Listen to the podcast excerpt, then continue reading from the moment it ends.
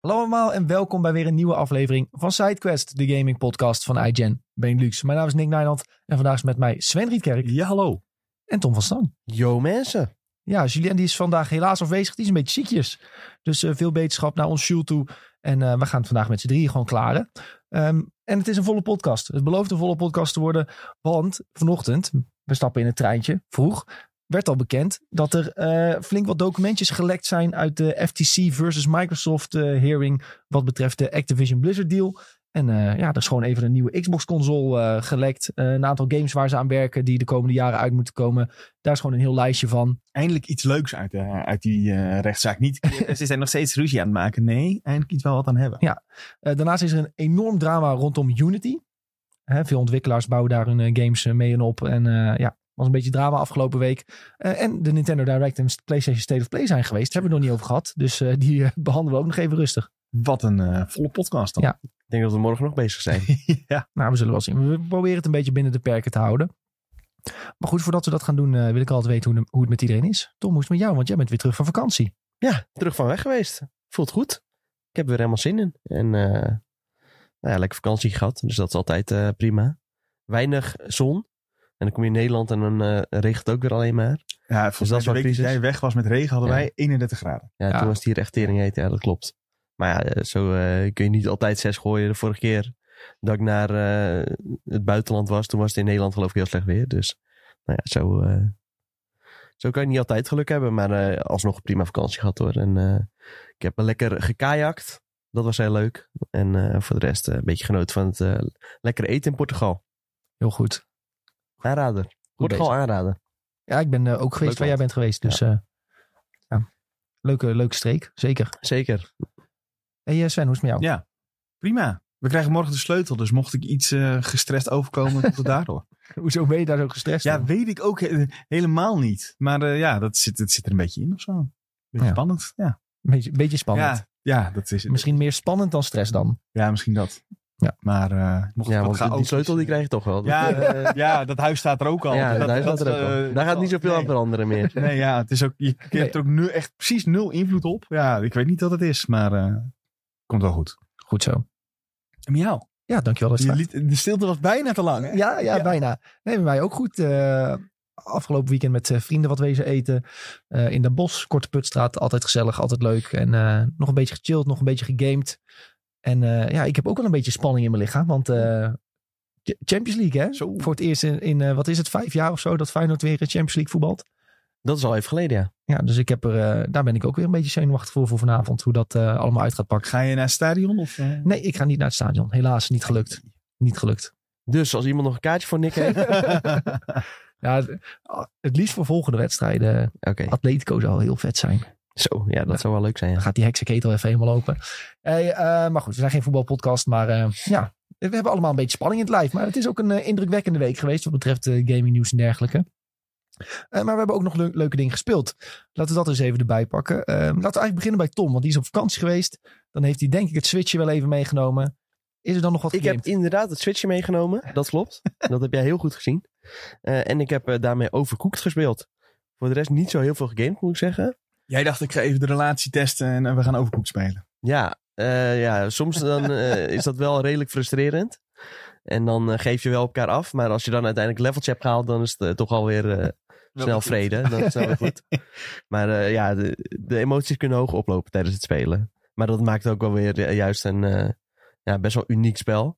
Nee, in Overcooked eh, maak je dus eh, maaltijden. En dan linksboven krijg je een soort van eh, de bonnetjes binnen. Zoals dat ook in de berg gaat voor degene die dat heeft gezien. En op die bonnetjes staat wat er moet wo- worden gemaakt. En dan vaak heb je bijvoorbeeld twee gedeeltes van een level. En dan de ene moet de ingrediënten aangeven en de andere moet snijden. En zo komen er in de verhaallijn steeds meer elementen bij die het je lastig maken op een gegeven moment. eh, Gooien met halve gerechten en zo. ja, er komen er ratten die komen je ingrediënten Ja. stelen die je net hebt gesneden. En dan moet je die ratten moet je een schop geven. En dat soort dingen zijn wel heel grappig. En andere keren dan heb je weer een level die helemaal in het donker is. Eh, dus dan, ja, er komen steeds een soort van eh, nieuwe parameters bij die het even lastig gaan maken. Maar eh, ja, ik vind het wel een heel vet spel. We zitten nu ongeveer op twee derde of zo. Dus die gaat dit jaar mogelijk ook nog wel worden uitgespeeld. Begin dit jaar ergens mee begonnen of zo. Dus, maar gewoon een aanrader als je een keer een leuke co-op game ja, wil oppakken, dan... eh, ik, ik ben het eerste deel eh, begonnen en eh, daarna misschien nog deel 2 een keertje oppakken. Hartstikke leuk. Verder, nou ja, uiteraard een beetje Starfield gespeeld. Net voor mijn vakantie toch maar even ja, die Premium Edition eh, binnengehaald. Eh, ik, was van plan eigenlijk gewoon te wachten, maar toen dacht ik... Oh, ik heb nog eh 30 dollar staan op mijn Xbox-account. Die anders nooit van mijn leven gaat worden uitgegeven. Eh, toch maar even Starfield eh, aangeschaft. Ik vind het een mooie manier om te, schrijven, eh, om te omschrijven dat je FOMO had. Ik had er wel een klein beetje ja. en ik dacht, ja, ik wil toch even spelen voordat ik op vakantie ga. En nou ja, daar heb ik geen spijt van gehad. Uiteraard. Echt wel een hele vette game. Ja, sowieso hou wel van sci-fi genre. Nou ja, we zitten nu natuurlijk weer helemaal in de Star Wars mood. Maar ook Interstellar en zo. Wat meer realistische space dingen. Echt super vet.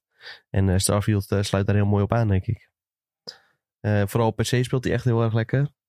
Xbox eh, viel me een beetje tegen, moet ik zeggen. Toch wel eh, een beetje houterig en net niet zo mooi als op PC. Terwijl op PC, ja, je merkt ook meteen dat het echt een stuk lekkerder speelt. En ook ja, op een of andere manier werkt het schieten en zo werkt ook heel, heel goed op PC. Terwijl ja, op console schiet het een beetje als eh, ja, Deadloop, Dishonored-achtig. Een beetje die games waarvan je weet van, oh, dit, dit schiet niet zo heel erg lekker. Terwijl met muizen loopt het echt best wel vloeiend. Het schijnt dat als je in je instellingen, dat heeft niet met het schieten te maken, maar als je in je instellingen op PC shadows gewoon uitzet, zie je eigenlijk bijna geen verschil, maar heb je wel echt heel veel FPS erbij. Aha. Kleine tip voor de mensen. Oké, goede tip. Nou ja, bij mij was de FPS eh, liep sowieso al goed. Ja. Moet je gewoon een goede grafische kaart hebben, Sven. Wat, bij mij was het ook gewoon. eh, weet ik, Ik hoefde geen shadows uit te spelen om hem goed te laten lopen. Nee, ik zag dat toevallig voorbij komen op TikTok en toen dacht ik, hé, dat is wel, eh, Ja. moet ik ook Ja, er komen sowieso wel wat goede updates aan, toch? Eh, DLSS en zo zit ook officieel gezien in de pijplijn zonder dat je daar mods voor nodig hebt. Dus ja, toen ik dat zag, dacht ik ook van ja, misschien nog heel veel wachten met verder gaan met de game. Om er echt optimaal van te kunnen genieten. Terwijl nu vind ik het ook al heel vet hoor. Ik heb er echt al iets van, nou ja, al nog niet heel veel uren, maar eh, toch al eh, in een korte tijd eh, die ik kon spelen iets van 7 of 8 uur in zitten. Lekker hoor. Dus Dus dan ben je op de helft van de, van de story. ja, ja, zeker. Maar ja, echt super vet. Ik zal snel verder gaan. Verder, Ik- wacht even. Als je het nu al super vet vindt en je bent maar op de helft van Ja. de story, dan ga je het echt heel erg vet vinden als je het hebt uitgespeeld. Want ik vond het eerste stuk vond ik echt een drag. Ja, zeker. ehm, ja, ik vond het vooral vet worden vanaf het moment dat je in dat eh, stadje komt waar die soort van bankheist eh gaande Oh, is. Oh ja, maar dat is heel vroeg in de game. Ja, dat is best wel vroeg in de game, maar eh, Ja, dan zie je wel wat de potentie Ja. zijn van de mogelijke verhalen in het universum. Ja, zeker. En dat je een beetje ja, zelf kunt kiezen hoe je het gaat aanpakken. En, eh, maar bijvoorbeeld ook al dat je op een gegeven moment, eh, dat is ook heel vroeg in de game. Maar dan ga je voor het eerst zo'n space station soort van eh, mounten. Oh ja. en, en dat je dan echt eh, dat space station betreedt. Dat geeft ook wel een soort van gevoel van vrijheid die je ja, in de rest van de game misschien soms een beetje mist, juist. Eh, dat, wat dat betreft had ik wel wat meer verwacht van de game. Maar ja, dat is natuurlijk al honderdduizend keer benoemd. Ja, ik kan wel even inhaken, want ik heb ook Starfield wel wat verder gespeeld. Ehm, omdat ik gewoon, ik had de game dus uitgespeeld en ik weet wel van, oké, er zijn nog fantastische verhalen hier te vinden. Ehm, we hebben nu ook een artikeltje online staan met, eh, dit zijn de beste verhalen die je sowieso moet spelen. Ehm, maar het voelt een beetje als bonus content nu of zo, omdat je toch al de main game hebt uitgespeeld. Ik startte dan iets minder snel op, maar toch dacht ik, ik ga het even spelen. Eh, dus ik heb een hele lange missie gedaan in, eh, inderdaad, in dat stadje waar ook die bankheist was. Was, was best wel tof. Ik was eh, begonnen aan de missie waar je de, de pirate eh, groep gaat infiltreren als het Nou ware, ja. als undercover. En dan kun je uiteindelijk kiezen van oké, wat, eh, wat ga je daar doen? Echt heel vet bedacht, heel vet gedaan. Je komt op hele vette plekken. Maar ik blijf er een beetje tegenaan lopen dat ik eh, zoveel heen en weer moet vliegen. En dat je dan weer een minuutje klikt. Ja, oh, het is echt een loading simulator game hoor. Ja, en daar, dat, dat staat me gewoon enorm tegen. En ik stuurde dit ook in onze groepsapp van de week. Ik zag een artikel voorbij komen over dat, ehm, dat er een onderzoek is gedaan naar open wereld games. Jaren terug van hoe snel moet je in een open wereld game iets tegenkomen. En dat was, het maximum was iets van 40 seconden. Eh, en dat heeft eh, CD Projekt Red gebruikt voor The Witcher 3. Dus als je ook de, op de map van The Witcher 3 kijkt, je, kunt, je hebt altijd 40 seconden loopafstand tussen twee eh, punten waar je iets tegen het lijf kan lopen. Ja. Kan zijn een groep eh, vijanden, kan zijn een volgende quest. Maar altijd maar 40 seconden zit er maximaal tussen twee puntjes dat, je, dat er iets gebeurt. En bij Starfield, als je even van loading screen naar gesprek naar loading screen gaat. Ja, soms ben je echt vijf minuten bezig voordat, voordat je weer op het volgende bestemming bent. Ehm, dan is raak je misschien nog in- de weg kwijt in zo'n spaceship. Dan ben je tien minuten aan het wandelen. Eh, en, dan ga je, en dan moet je weer tien zinnen praten met iemand. Ja. Het duurt, er zit te veel tijd tussen echt eh, momenten die indruk maken. En ja, er is gewoon te veel opvulling of zo. Ja. Dat is een beetje jammer. Maar als je eenmaal bezig bent met iets tofs, dan is het echt heel erg tof.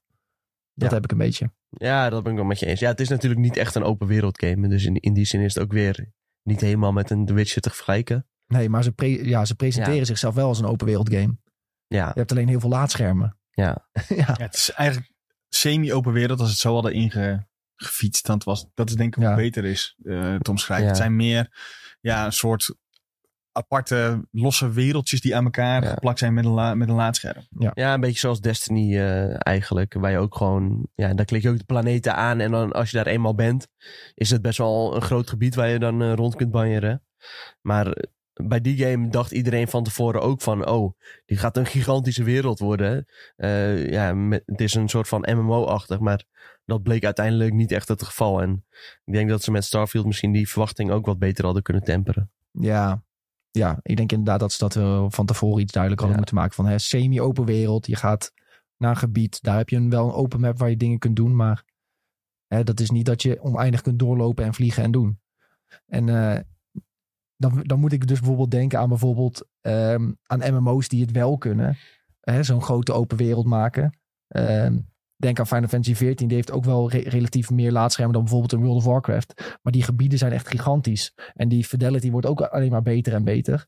Ja, zij kunnen het wel gewoon. En het is natuurlijk voor een game die zoveel detail heeft. Je kunt alles oppakken, aanraken, tegenaan schoppen. De aardappels die hebben allemaal eh, helemaal uitgewerkte physics. Tuurlijk is het onmogelijk om daar gigantische maps voor te maken. Maar ja, als World of Warcraft het kon in 2004 met de graphics van die tijd. Dan eh, Ja. moet het toch wel meer mogelijk zijn. Mogelijk zijn, zou je denken. Ja, nou, en de eerdere Bethesda games natuurlijk ook. Als Ja. je kijkt naar eh, Fallout en zo, ja. Ja, het is Dat gewoon is- jammer dat, die, dat er zoveel van die laadschermen tussen zitten. Ja. Ook, maar ook in een, in een stad zelf dat je een lift moet pakken om naar een ander gedeelte te gaan. Dat is jammer dat daar niet gewoon... eh, kijk, dat, dat de optie er zou zijn is cool, maar je kan dus niet de trap nemen. Wat Nee. ook Heeft dat dan met de engine zijn. te maken of zo? Dat zou je haast wel dat is denken. een hele oude engine Ja. inmiddels, die ze nog een keer hebben opgepoetst. En, Ja, eh, ja. Ze hebben er wat extra ram bij gestoken. Ja, en dan kom op jongen, je kan het. Ja, ook daar kwam er ook bijna uit. Ja. Ja, Ja. nee, maar ik vraag me af of zij... eh, ik weet niet of dat, dat bekend is waar ze, wat ze nu... eh, ik kan me bijna niet voorstellen dat ze deze engine nog een keer gaan gebruiken. Voor bijvoorbeeld eh eh Elder Scrolls 6 of zo. Hadden ze daar niet al gezegd dat ze... Een andere- eh, engine gingen... Ja, gingen ze niet gewoon. Unreal gebruiken? Oh nee, Creation Engine 2. Ja. Dus maar is dat, ik mag hopen dat dat dan zeg maar een soort opvolger is. Eh, nee, eh, nou ja, gewoon weer een opgepompte versie van die van Starfield. Ja, maar Starfield is Creation 1 al, toch? Ja, maar dan, die is ook gewoon weer opgepoetst. Ja, maar dat, is- dat is in principe eh, geen probleem. Want als je kijkt naar... ehm, ja, hoe ga je dit uitleggen? Ja, de stap van Fallout 3 naar Ja. Starfield is natuurlijk al Ja, heel groot. precies. Ja, dat. Dus als ze weer een stap kunnen maken met die engine, ja, Ja. dikke prima. Maar Oké, En Unreal is natuurlijk eh, wat veel wordt gebruikt. Maar ook... eh ehm, Guerrilla Unity. heeft ook zijn eigen... ja, Unity. Maar Guerrilla heeft ook zijn eigen... Zijn eigen Ja, Decima. bijvoorbeeld. Ja. En die wordt ook weer gebruikt door die eh, Kojima games, Death Stranding. Ja. ja, Dat Ja. ziet er ook geweldig uit trouwens. dat eh, zou geen slechte engine zijn voor Bethesda om eh, stiekem te lenen. Maar dat wordt een lastig verhaal. Dat wordt een lastig Dat verhaal. wordt een lastig verhaal. Ja. Eh, wat heb je verder nog gespeeld, Tom? Eh, ik zat net in de chat voorbij komen eh, de vraag of eh, Mortal Kombat hier al is. En nou, die heb ik ook even gespeeld gisteren. Eh, en eh, mogen we al zeggen dat die Ja. straks gaan spelen? Ja, hoor. die gaan we straks spelen. Eh, dus, Op stream voor de duidelijkheid. Dat de mensen die luisteren nu denken, wat praat hij nou? dus ik denk dat we dan even iets van de verhaallijn en zo gaan laten zien. Want die heb ik eerder op Gamescom al wel gespeeld. Een stukje daarvan. Maar nu heb ik hem expres nog even niet aangeraakt. Dus vooral een beetje in de andere modi alvast wat geoefend. Zodat ik geen flater sla. nou ja, dat sla ik sowieso wel. Want ik ben niet de grootste fighting game expert zoals eh, een eh, van onze redacteuren Rick Otte die eerder voor ons heeft geschreven. Eh, nou ja, dat zijn mensen die al twintig jaar dit soort games spelen. Maar zelf ben ik ja, pas de afgelopen jaren een beetje begonnen met fighting games. En Street Fighter 5 bijvoorbeeld vond ik altijd wel heel erg leuk. Eh, en hoe heet die met die superhelden ook weer? In- Injustice. Injustice. Injustice 2 heb ik wel heel veel gespeeld. En Injustice 2 is natuurlijk van dezelfde makers als Mortal Kombat. Je vergeet de fantastische game die wij samen hebben gespeeld. Ja, maar dat is meer, dat is niet echt een fighting game. Dat is meer een brawler. Ja, ja. Ja. Ja, meer een brawler inderdaad. Alleen, dat is wel iets toegankelijker ook dan fighting games. Alleen, ja, het komt, het komt wel in de buurt Ja. van een fighting game. Eh, multiverse voor de duidelijkheid. Ja. En eh, verder een beetje sportgames. NBA 2K, Sportgames, je bedoelt eh, Casino Simulator. Casino Simulator. Ding, ding, ding, ding. Ding, ding, ding, ding. Ja, hij is weer binnen. Ik heb al eh, vanaf afgelopen eh, woensdag was ik begonnen.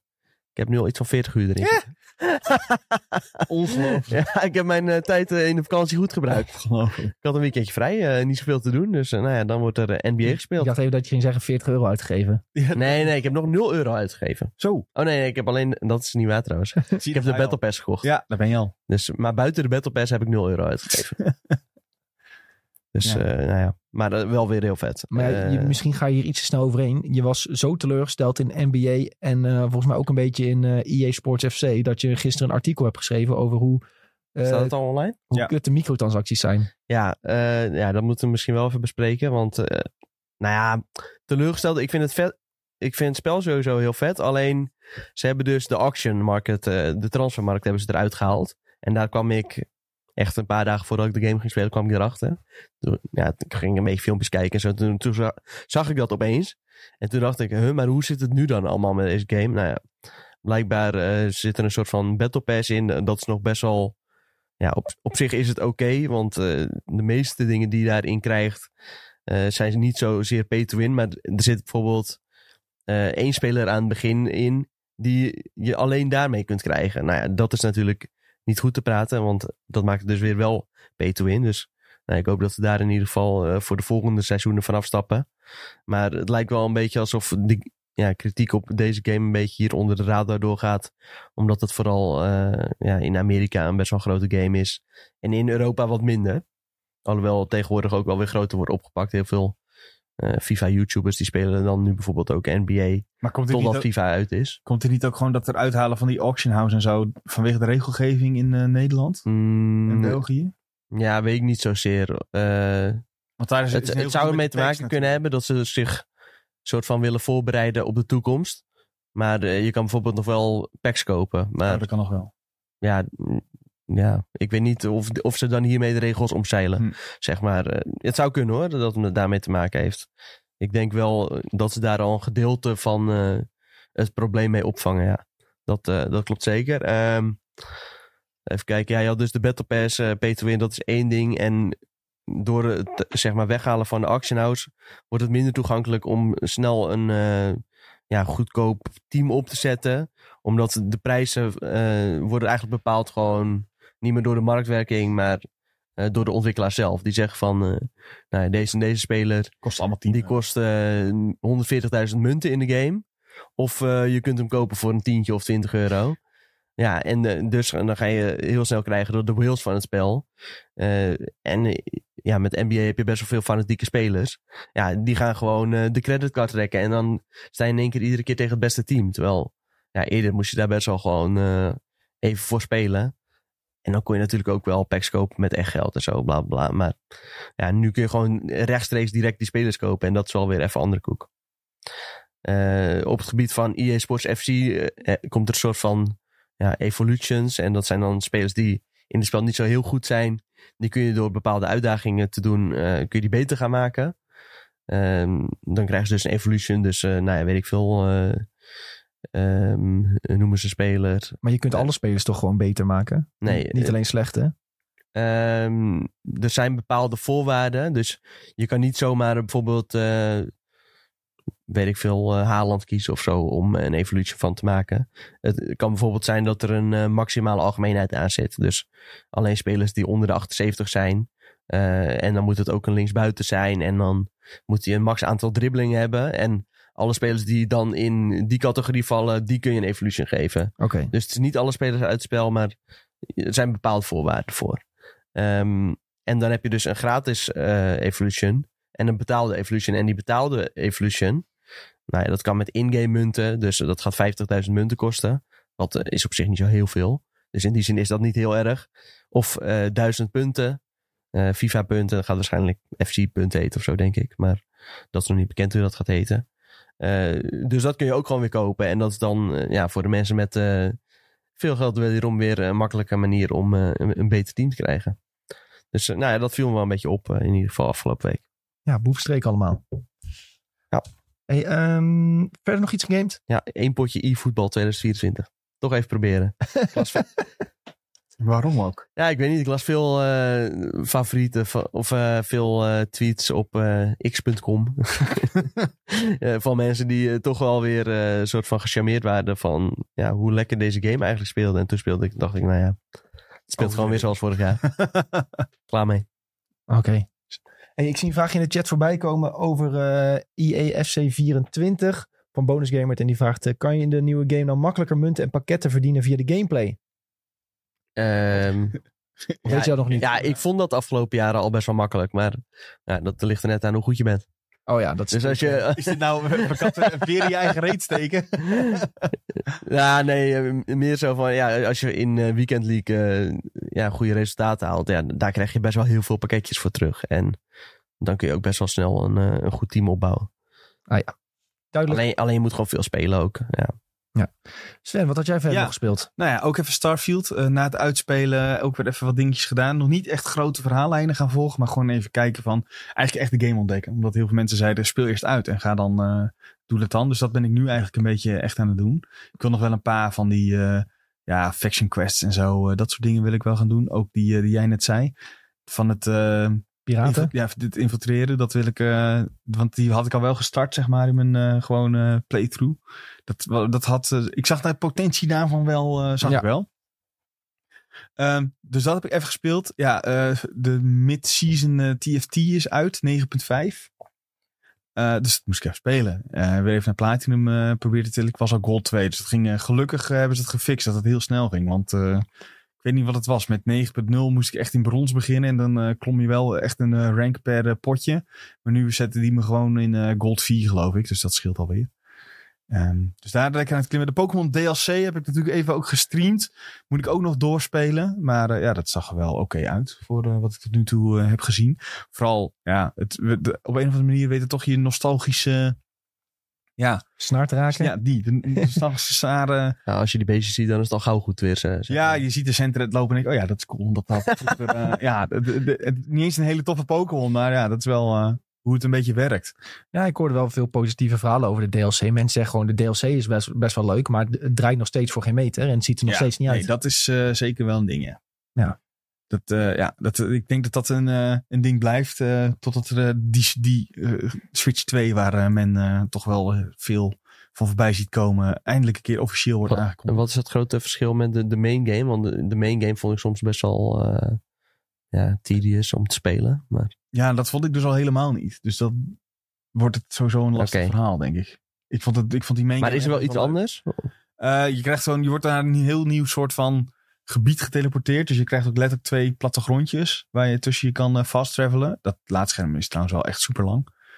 Ehm, en dan eh, ga je gewoon avonturen beleven waarin de nieuwe, ja, hoe zeg je dat? Nieuwe ik- legendary eh, centraal staat. Ehm, maar je hoeft niet meer, tenminste tot nu toe niet eh, gyms af te reizen of eh, eh, grote moeilijke Pokémon te verslaan. Maar eh, Die drie Pokémon die als helden worden gezien in die, eh, in die stad. ja. Ja, die hebben echt de meest vreemde naam weer. Ja, Oogie Doogie, Floekie Poekie. ja. het is echt zo. Ja, dat is wel echt waar. Ja. Echt hele gekke namen weer. Maar je hoeft niet meer tegen een auto te vechten? Eh, Oh, dat eh, vond ik echt heel dom. gezien. Ja, dat vond ik ook echt heb ik me echt dood aan zitten in die missies. Ja, ik vond het wel oké. Nee, ja, dat, is- Ja, dat, dat zit echt, ja. zeggen. dat, zit echt? Ja, in mijn, dat zit echt in mijn irritatiezone van Pokémon. Ja. Eigenlijk vanaf het moment dat Pokémon andere dingen werden dan, dan, dan beesten. Dus dat opeens een deurklink een Pokémon kon worden. ehm, Ja. Toen haakte ik wel een beetje af. En dat nu dus zeg maar gewoon een grote vrachtwagen een Pokémon is. Ja, dat Ja. vind ik echt heel dom. Ja, maar dat eh, is... Ja, eh, ze spelen toch geen Transformers of zo? En ik vind de Transformers vind ik ook dom. Ja, die zijn ook heel dom, ja. Ja, vind ik ook heel dom. Ja, ik weet dat mensen Transformers heel leuk vinden. Daar hebben ze ook nostalgische gevoelens bij. En vooral omdat Megan Fox in die film zat. ik ken jullie. En, eh, maar ja, nee, vind ik, vind ik echt... eh, nee. Ook die Klinky Clanky en... eh Klinklank. Klinklank Ja. en eh Ja, weet ik, sleutel Pokémon houden. sleutel Pokémon. Ja, echt. Ik vind het echt allemaal heel dom. Ja, dat is wel weer een generatie geleden. Heel dom. Heel dom. Ja, ik eh, vermaak me prima hoor. Ja, maar ik, kijk, weet je, veel mensen hebben natuurlijk nostalgische gevoelens voor die oude Pokémon. En daar Mhm. ben je mee opgegroeid. En, Ja, dan, maar dan is die DLC wel een redelijke must. Dat is wel een, soort van semi-boevenstreek. Ja, er wordt even... hey, een Vulpix. hey, een Growlithe. hey, eh, Ja, maar oké, dan. eh, ik, ik heb hier laatst over na zitten denken. Als ik zin heb in Pokémon, dan pak ik gewoon eh Hard Gold erbij. Die mijn broertje Ja. laatst ergens in een eh, achteren schutting heeft gevonden bij ons. Maar niet iedereen heeft die luxe, hè? Dat Nee, is wel redelijk, nee. redelijk uniek dat je die nog ergens hebt liggen. Ja. Maar goed, eh, dan ga ik liever die spelen Ja. dan dat ik eh, die DLC erbij pak. Nou, dat, dat kan ik ook wel weer begrijpen. Ja. Breng dat nou gewoon naar die eh, Switch Online eh bende. Ja, dat zou top zijn. Nintendo. Of gewoon, ja, ik zou nog steeds... Natuurlijk is uh, Hard Gold is al een remake. Maar ja, die mogen ze best van mij in die eh, Pokémon Diamond Ja. stijl eh, nog een keer uitbrengen. Kleine oppoetsbeurt. Zo, dat zou wel heel, eh, heel cool Dat zijn. gaat echt heel ziek verkopen. Ja, Dat weet ik nu al. Ja. Dus maak dat. Gewoon gratis ideeën Nintendo. Doen we. Ja. Of Pokémon Company eigenlijk. en eh Final Fantasy 14 weer lekker verder gegaan.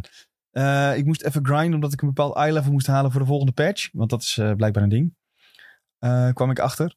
En dat heb ik gedaan. Dus ik ben bijna nu bij de, ehm, de trial van 6.2. En dan moet ik 6.3 en 4 nog. Dus dat, ja, rustig doorspelen. Af en toe even kleine dungeon pakken voor de, de, de, de, de currencies die je dan nodig hebt om items eh, in te wisselen.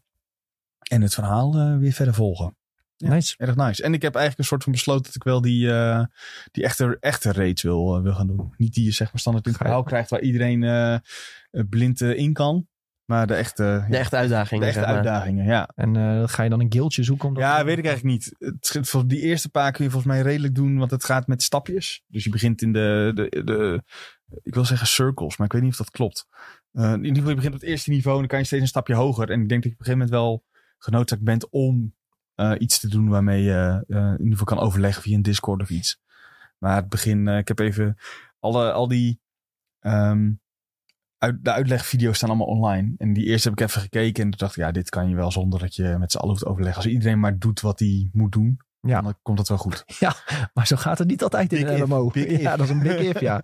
Ik weet wat ik bedoel, zeg maar. Ik speel nu ook eh, tank. En dat is fantastisch voor de wachttijden van, eh, van eh, de game. Die zijn er dus eigenlijk niet. Ehm, Welke klas ben je? ik ben nu Paladin. Nice. Paladin tank. Top. Leuk. Ja, dus dat Ja, lekker blijf bezig. ik ook gewoon lekker spelen. Dat is, eh, Lekker bezig, lekker bezig. Ehm, ik heb zelf, ehm, ja, ik heb net al verteld over Starfield, dus daar gaan we gewoon weer overheen. Ik eh, speel nog een beetje World of Warcraft Classic. heb eh, nou? ik heb nog steeds mijn Tiger niet. Nee, nee. En ik, ik denk ook echt dat ik mijn Hunter moet gaan levelen als tweede wapen om hem te gaan farmen. Anders wordt het misschien een lastig verhaal. Maar ehm, nu is bekend dus dat ergens rond 12, 13 oktober komt de ICC uit. En dan komt twee, drie dagen eerder is de patch live. En vanaf die patch zit Looking for Group in de game. Ja. Dus dan kun je gewoon letterlijk in een minuutje klikken van vind party voor mij voor een dungeon. Dat komt dan eh, naar de game. En dat maakt het dus ook makkelijk om te gaan levelen. Want dan is ook Mm. nog die buff live, Joy- Joyous Journeys. Dus dan ga, je gewoon van, ga ik gewoon van 71 naar 80 met die Joyous Journeys. Doe ik alleen maar dungeons, dungeons, dungeons. En dan eh, hoef ik niet die quests te doen die ik al vier keer heb gedaan. Want dat staat me een beetje tegen. Om nog Oh ja. een keer die quests te doen die ik afgelopen jaar al vier keer heb gedaan allemaal.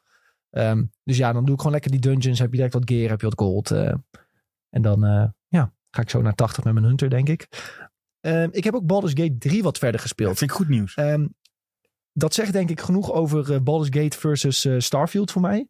Dat ik dus ervoor, eerder voor kies om bij BG3 op te starten. Moet ik eerlijk zeggen, had ik niet verwacht. Ik, ik voorafgaand ook niet. Maar wat helpt is dat wij dus met z'n allen een afspraak hebben dat we 10 games uitspelen in een jaar.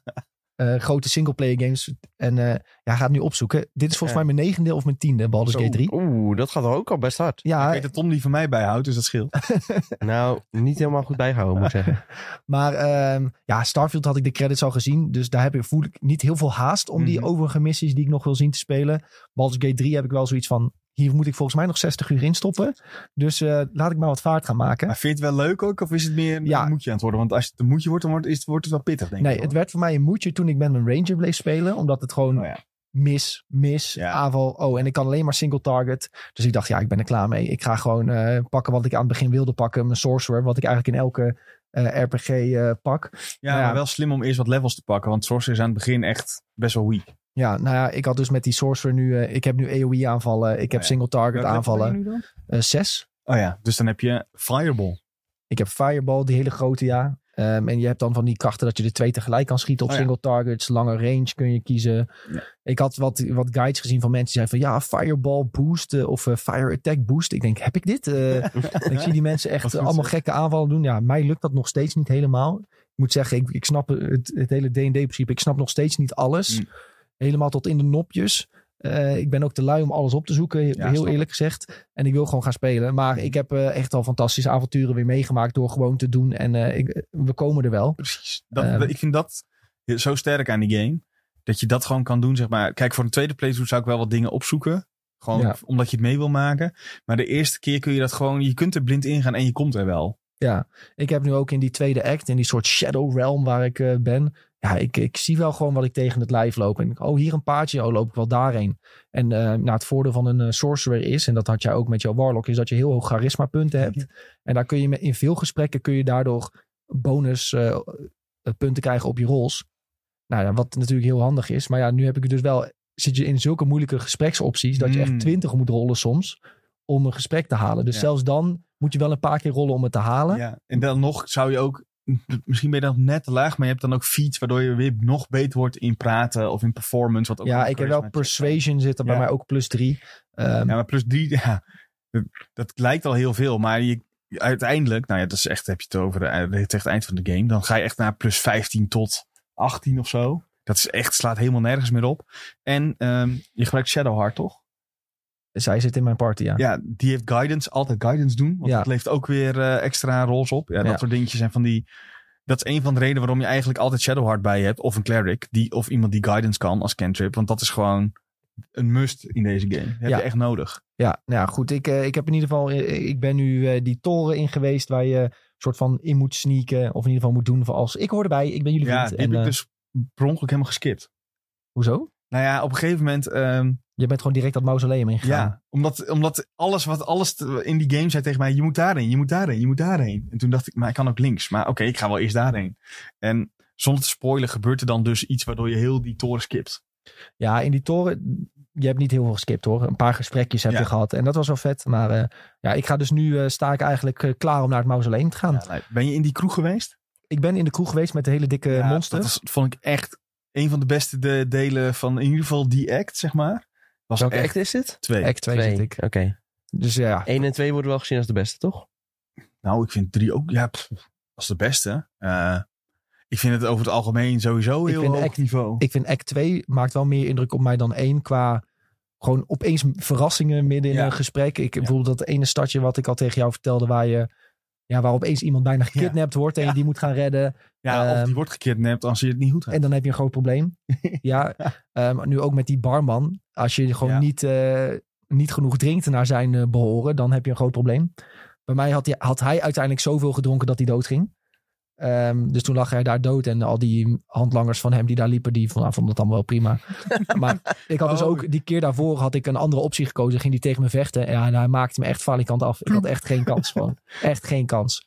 Ehm, maar daarvoor had ik ook een gesprek met iemand die was helemaal van goud gemaakt. Oh, ja. Ja, dus in act 2 kom je wel echt veel meer bijzondere figuren tegen dan in act 1. Ja, en act 3 vind ik juist weer heel vet, omdat die, dat is heel gelaagd. Maar daar kom je als het goed is nog wel achter. Want je denkt in de eerste instantie, oh, dit is de stad. Maar ja, daar is zoveel aan de hand. Ja. Ja, dat is echt, en nou ja, oh. Maar in ehm, act 2, hoe ver ben ik nu in act 2? Als ik nu naar die eh puzzel moet. Ehm, de- ja, ligt er, het ligt er een beetje aan hoe snel je door die puzzel gaat. En wat, wat, hoe snel je daar, wat daarop volgt, zeg maar. Maar dan zit je al wel, ik denk, ja, eh, twee derde of zo, Oké, dat valt me nog best denk mee. ik. Dat valt me nog best mee. Het is denk ik ook hoeveel side content doe je. dat. En, Maar eh, het, ja. het ding is altijd, je hebt side content zoals de side content van Starfield, een beetje flauw om die vergelijking te blijven maken, waarin het echt eh, optioneel is en waar je gewoon even kan kijken. En de side content in Baldur's Gate voegt voor mij echt altijd wat toe. Of je krijgt een lijp item eruit, of je krijgt een permanente bonus, of verhaaltechnisch gebeurt er iets lijps. Het is echt, dat is allemaal zo slim gedaan. Nou goed, ik heb nu bijna 35 uur gespeeld, zegt mijn Ja, Steam. netjes. Dus nou ja, dan eh, ben je in principe de helft. ja, nou ja, dat vind ik niet heel erg. Dat Nee, eh, kan maar ik ja, even. nou ja, en ik vind bij, ik vond, vind bij Baldur's Gate dat je ook lekker, als je een uurtje een deel van een quest wil doen, kan dat ook. Ja, dat doe ik nu ook best wel. In de avond Ja. nog anderhalf, twee uurtjes of zo. Ja, en dan, eh, precies. maar dan vind ik het ook wel weer prima. Want ik heb Ja. zoveel rekenkracht in mijn hoofd nodig af en toe om, om alles even te... Ja. Van hoe, hoe zat dit ook alweer en hoe kan ik dit nou het beste aanpakken? Ja, ik denk dat dat, omdat ik zoveel meer D&D heb gespeeld, dat dat wat natuurlijker komt. Goed, ik heb ook Lies of P gespeeld. Ehm, ja, die nieuwe beetje Souls-like. En eh, ja, ik zag meer mensen in onze Discord die de game hadden geprobeerd. Hij staat op Game Pass bijvoorbeeld. Ehm, ja, dit is echt gewoon... Ze hebben echt gewoon geprobeerd om een Bloodborne-kloon te maken. Ja, Ehm, in alles. In uiterlijk, in combat, in movement. Eh, ze hebben een paar kleine dingen veranderd. Je, kan wapens uit elkaar trekken en weer aan elkaar plakken. Om bijvoorbeeld betere scaling te hebben. Dat je net een andere aanval hebt op dat wapen. Ehm, je moet je wapen scherp maken. Je hebt een soort special attack die je het beste kunt gebruiken. Als eh, je een vijand eh, zijn staggerbalk vol hebt. Ze hebben een aantal dingen doen ze net iets anders dan Bloodborne. Maar het voelt wel heel erg als Bloodborne.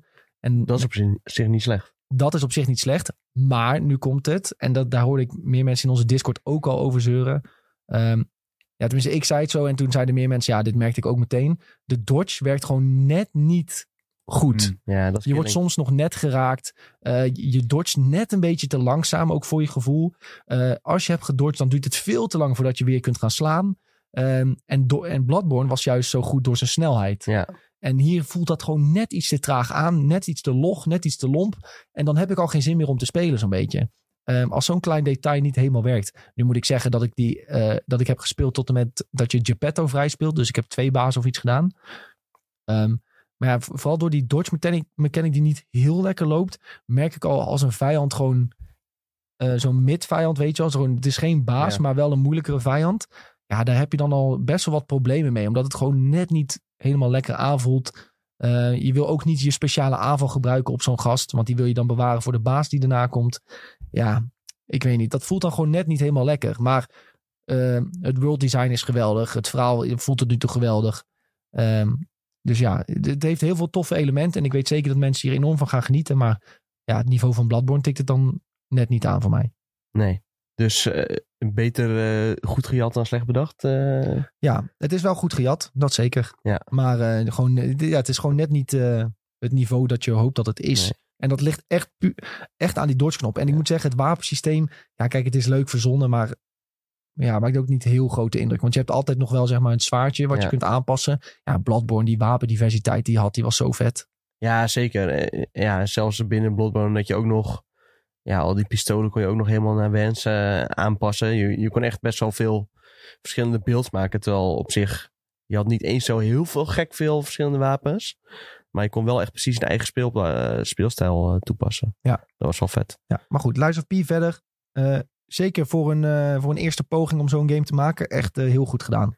100%. Maar ja, Ja. ook die boss designs. Je moet maar eens die, die, bijvoorbeeld die eerste fight opzoeken. Ja, tegen zo'n soort robot clown. Echt, Ja. het design is echt fantastisch. Dus eh, dat is echt heel goed gedaan. Ja, op zich wel eh, gewoon eh, inderdaad een lastig jaar voor dit soort games. Ja. Als het niet helemaal perfect is, dan is het toch al gauw van, ja, ik ga door naar de volgende game. Want je hebt gewoon zo vijf à zes games die dan nog weer een stuk beter zijn, die je dan liever gaat spelen. Ja, zeker. Zeker. Hey, ehm, waar gaan we mee beginnen qua nieuws, jongens? Want we hebben dus de Xbox leaks. We hebben het Unity dra- drama en de Nintendo Direct en de State of Play. Zullen we eerst even de Direct en de State of Play doen? Ja, Yes. Dat is eh, chronologisch in de week Chronologisch misschien het, dat, eh, ja. het meest logisch. Ehm, en we gaan nog even, gewoon even de leukste dingen eruit pakken. eh, of de meest opvallende dingen eh, van, de, van de Direct. Daarmee gaan we beginnen. De Nintendo Direct. Ehm, ja, deze heeft uh, Niels, ons stagiair, helemaal voor ons uitgewerkt. Het, eh, alle aankondigingen op een rij. Ehm, ja, laten we gewoon, denk ik, één voor één iets eruit pakken. Wat, wat wij heel erg tof vonden om te zien. Ehm, dan moet ik even Zal ik scrollen. eh, dan aftrappen? oh, jij mag ook aftrappen. Super Mario RPG. Ja, maar die hebben we al eerder gezien, Sven. Ja, maar dat zag wel. Deze trailer. Nee, maar niet zo'n trailer als deze, toch? Met de gameplay en alles erbij. Eh, meer een soort een Mm, impressie was- van... Ja, we zagen eerder wel gameplay. Aankondigings. Zat ook gameplay was dat toch? Ja, maar daar zat ook een gameplay in, Nou, ja. Ik eh, vond dit er fantastisch goed uitzien. Ja, nou ja, het is ook een game waar mensen enorm blij van worden Ja. dat ze die zagen. Dus en dat is niet zo gek. die, vroeger is die natuurlijk gemaakt met toen Squaresoft. Ja. Eh, wat nu Square Enix is. Ja, dus dit eh, ademt eh, Sven. toen is hij er niet uitgekomen. Dus nou, nog een extra reden om het te spelen. Ja, nou, en het turn-based, een turn-based Mario. Ja, ik wil het Ja. wel spelen hoor. En ik vind het heel erg leuk dat je een heleboel vijanden terug ziet komen. die je eigenlijk helemaal niet kent voor Ja. de rest. Ja, normaal zie je altijd toch in Mario games wel een beetje dezelfde figuren voorbij springen. Maar hier zijn echt een heleboel nieuwe unieke figuurtjes. En ja, die zien er ook echt geweldig uit. Je hebt eh, ja, een of andere gek paars beest met eh driehoektanden en een hoedje op. Ja, dan denk je echt, dit, schiet er gewoon heel uniek uit. Heel Maar, veel eh, ja, maar het past wel weer in, bij die Mario Ja. wereld of zo. Dat is wel... eh, Ja, het ziet er niet vreemd uit Nee. of zo. Het ziet er wel uit van, oh, dit zou best kunnen in de Mario-wereld. Maar toch weer iets unieks. Weet je waar ik bij moet denken bij die Tom die op zijn scherm had net? Bij, aan, een, ehm, aan Kingdom Hearts. ja, Oh ja. sowieso. ja. Nou Kingdom ja, Hearts vijand. Dus toevallig is dat ook eh, gemaakt door Square. Niet geheel ontoevallig. Ja, nee, maar ja, ik denk een eh, game waar heel veel mensen naar uitkijken. En komt al eh, in november. Zo, ja. Dus het kan snel gaan. Mooi hoe er eh, in half augustus... Dit ziet er echt go- goed uit trouwens, die trein, boom. Boom. en dan gewoon 10.000 damage. Allemaal dood. Maar mooi hoe er half augustus eh, nog nauwelijks iets bekend was wat eruit zou komen eind dit jaar. En nu eh, is het echt rammetje, rammetje vol aan het worden. Ja, en deze hele Nintendo Direct was bijna alleen maar Mario. Ja. Dat was echt heel erg sick. Dat je echt dacht van, hé, komt er nog wel iets van Mario eh, van Nintendo? Oh, hier heb je 38 games. Eigenlijk, ze hadden dit eigenlijk de Mario Direct moeten doen. Ja, Ja, het mooie was ook, mensen zeiden van... eh, nou ja, voordat die Mario-film uitkwam van... Hoe kan het nou dat eh, Nintendo geen Mario-games uitbrengt? Dus ze zijn niet goed voorbereid op deze film. En nu die film uit is gekomen... Mario game, Mario game, Mario game. ja heel ziek. Ja, dus zal ik maar meteen doen met mijn, eh, die, met mijn game die ik heel erg tof vond. En dat was die Princess Peach titel. Vorige keer hadden we alleen een teaser gezien. En dan moest je echt gissen naar, ja, wat de fuck zien we hier nou eigenlijk? En ik moet zeggen, die trailer maakte best wel indruk op mij. Ik bedoel, hè, het is duidelijk niet per se een ga- game die getarget is eh, Op jou. op, op, op ons. Maar ik vond hem wel heel erg leuk eruit zien. Ik vond het idee dat Peach eigenlijk elke keer een soort andere gameplay krijgt, vond ik een heel leuk idee. Hè, uiteindelijk krijgt ze een zwaardje, dan eh, wordt ze een zwaardvechter. Ze krijgt magie, dan gaat ze magische krachten gebruiken. En dat wisselt eigenlijk per level zo. Ja, je ziet ook Detective Peach. En dan gaat ze proberen het mysterie op te lossen van dat moment. Maar Ja, ik vond het best wel leuk verzonnen. ja, maar Mario kennen wordt dat een heel moeilijk mysterie. Ja, nee, dat wordt echt pittig. Dat wordt heel pittig. Nee, maar ja, ik vond het een, ik vond het een leuk idee. Alle verschillende outfits zien er echt enorm goed uit. Ik bedoel, je kunt over Nintendo alles zeggen wat je wil. Maar eh, die Mario games die zien er altijd echt super gelikt uit. Wat zijn nog uit die Switch weten te persen, dat eh, slaat eigenlijk bijna nergens meer. Ja, ja. Maar eh, ja, gewoon het hele idee dat zij een soort van het toneelstuk moet redden. En dat elke keer op het, op het toneel dan een andere scène zich voordoet. Ja, vind ik een eh, heel leuk origineel idee. En ik ja, ben zeker benieuwd naar de uiteindelijke game. Ik weet niet of ik hem zelf helemaal in en uit ga spelen. Maar ik vond het wel een trailer die ik, waarvan ik dacht van ja, dit is een keer iets anders. Binnen een leuke franchise, origineel verzonnen. Ziet er goed uit. En komt dus maart volgend jaar. Tom, had jij een game die je eh, in de lijst had gezien waarvan je dacht van ja, hier word ik blij van? De, Tomb- de Eh, Tomb Raider remastered. Ja, heel vet vind ik dat. Dat is echt, eh, had ik altijd al van gedroomd. Nee, eh, nee dat kan ik Ja, helemaal ze- niet bekoren. Kunnen sarcastisch doen, maar heel veel mensen werden daar blij van. Ja, Vooral de, de opa's in onze... vooral de opa's inderdaad. eh, Die de, de old een hele grote groep. Ja, dat weet ik. Ja, maar ook als je die Maar ze game kennen ons wel. als je die game voorbij ziet komen, dan denk je, ja, leuk dat jullie dit oppoetsen. Maar die mechanics en zo, die komen al, allemaal nog steeds uit de prehistorie. Ja, toen wij een eh, gebrichte PlayStation 1 hadden vroeger thuis, Oh. toen heeft mijn vader al die games gespeeld. Dus eh, Hmm. zo heb ik eh, die 1, 2 en 3 heb ik... ik weet- bedoel je. ja, Brikt is als je het niet meer doet, toch? Eh, inmiddels is die gebrikt dan. Oh, Ik kwam een keer thuis van school eh, en toen hadden mijn broertjes heel de PlayStation 1 uit elkaar geschroefd. Ai. Ja, hij, hij, hij ging niet meer aan, dus we dachten we trekken hem uit elkaar. ja, zo doe ik dat ook Ja. Maar goed, Ehm, ja, F-Zero 99, dat eh, zal ik dan even Hmm. benoemen. Ik zie hem hier niet zo heel gauw eh, tussen staan, maar... eh, Wel, een beetje naar beneden. Oh, een beetje naar beneden. Oh ja. Nou, ik vind het leuk dat ze weer gewoon nieuwe games gaan maken. Maar dan wel in de stijl van Super Nintendo. Eerlijkheid gebied zeggen dat ik het nog uit moet proberen. Nog niet helemaal aan toegekomen. Ik begreep juist dat heel veel mensen hier heel boos om waren. Omdat er natuurlijk Ja. geruchten gingen over eh, nieuwe, nieuwe F-Zero en dan was het dit. Ja, dat was de eerste reactie. Maar uiteindelijk toen ging ze spelen. Toen wa- was het zo van, oh, toch wel weer leuk. Toch wel leuk. Eh, dus dat stemmen wel tevreden. En ik hoop gewoon dat dit een beetje gaat worden opgepakt. Zodat Nintendo ook in gaat zien van... Oh, misschien moeten we toch gewoon weer een nieuwe F-Zero gaan maken. Dus ga F-Zero 99 spelen. Precies. Dus als heel veel mensen dit gaan spelen... Luister vooral, ga dit even spelen. of ze dan, denken, eh, oh iedereen speelt dat joh, dan hoeven we geen maken. dat kan Oh ja, dat zou ook kunnen. Oké, gaat het niet spelen. Of met, misschien toch een wel. beetje. Een beetje. Nou ja, eh, ik vind het wel een heel origineel idee. Hè? Je zou normaal denken een soort kart racer met eh, Battle Royale. Huh, hoe werkt dat dan? Ja, Maar ja, ze hebben er toch iets origineels bij verzonnen wat blijkbaar heel goed werkt. Dus eh, ja, props daarvoor. ik ben benieuwd of ze dit dan ook straks met Mario Kart gaan doen. Mario Kart 99 en Oh, dan my met z'n gosh. 99 gewoon Dat je tien blauwe shells tegelijk af kunt vuren en zo. Dat is ook 300 bananen tegelijk. Hup, wel een chaos. dat moet ook gewoon kunnen. Nee, dan word je geen gek, denk ik. Ja, 300 bananen tegelijk. Ben je alleen maar aan het slippen. Maar eh, ja, zeker eh, tof idee, denk ik. eh. Ja. ja, maar dat is gewoon grappig. Ook als je die menu ziet, dat ziet er dan weer heel modern uit. Gewoon echt die ja, kenmerk Nintendo-stijl. Wat ook zelfs een beetje lijkt op Mario Kart. En dan zie je zo die sprites en zo. En dat is gewoon echt ja, de perfecte Super Nintendo sprites. Echt, eh, het ziet er heel goed uit. Ja, goede keuze, denk ik, om eh, te noemen uit de lijst. Ik eh, heb er al een opgezocht die Sven, denk ik, wil gaan noemen. Ja. Anders noem ik hem. Ja, nou ja. zeg, zeg het maar. hoor. Ja, Bandle a League of Legends story trailer. Ehm, ja, Bandle is... eh ja, Bandle City is eh, bij de League of Legends spelers bekend als de stad van de Jordels. Dat zijn de, eigenlijk de kleinste wezentjes binnen het League of Legends universum. Timo, hè? Zoals Timo de Duivel. Ehm, eh, hebt Tristana, Lulu, inderdaad. Vygar. Ja. Maar even een paar te noemen. En ze gaan dus nu een Stardew Valley-achtige game maken. ehm, waarin jij een Jordel speelt. Die al die Jordels tegenkomt daar. Eh, je moet eh, ja, heel Stardew Valley-achtig gewassen gebouwen. Crashes oplossen. Maar ja, als je met name kijkt naar die artstijl. ehm, naar hoe Bandle City hier tot leven komt. Ja, dan denk je echt, dit, vind, dit is echt fantastisch mooi gemaakt. Nee. Ehm, en we hadden Bandle City nog niet heel erg gezien. eh, bijvoorbeeld in, in de League lore. Dus denk ik van ja, dit is echt... als je League of Legends vet vindt, dan zou je dit eigenlijk bijna wel moeten spelen.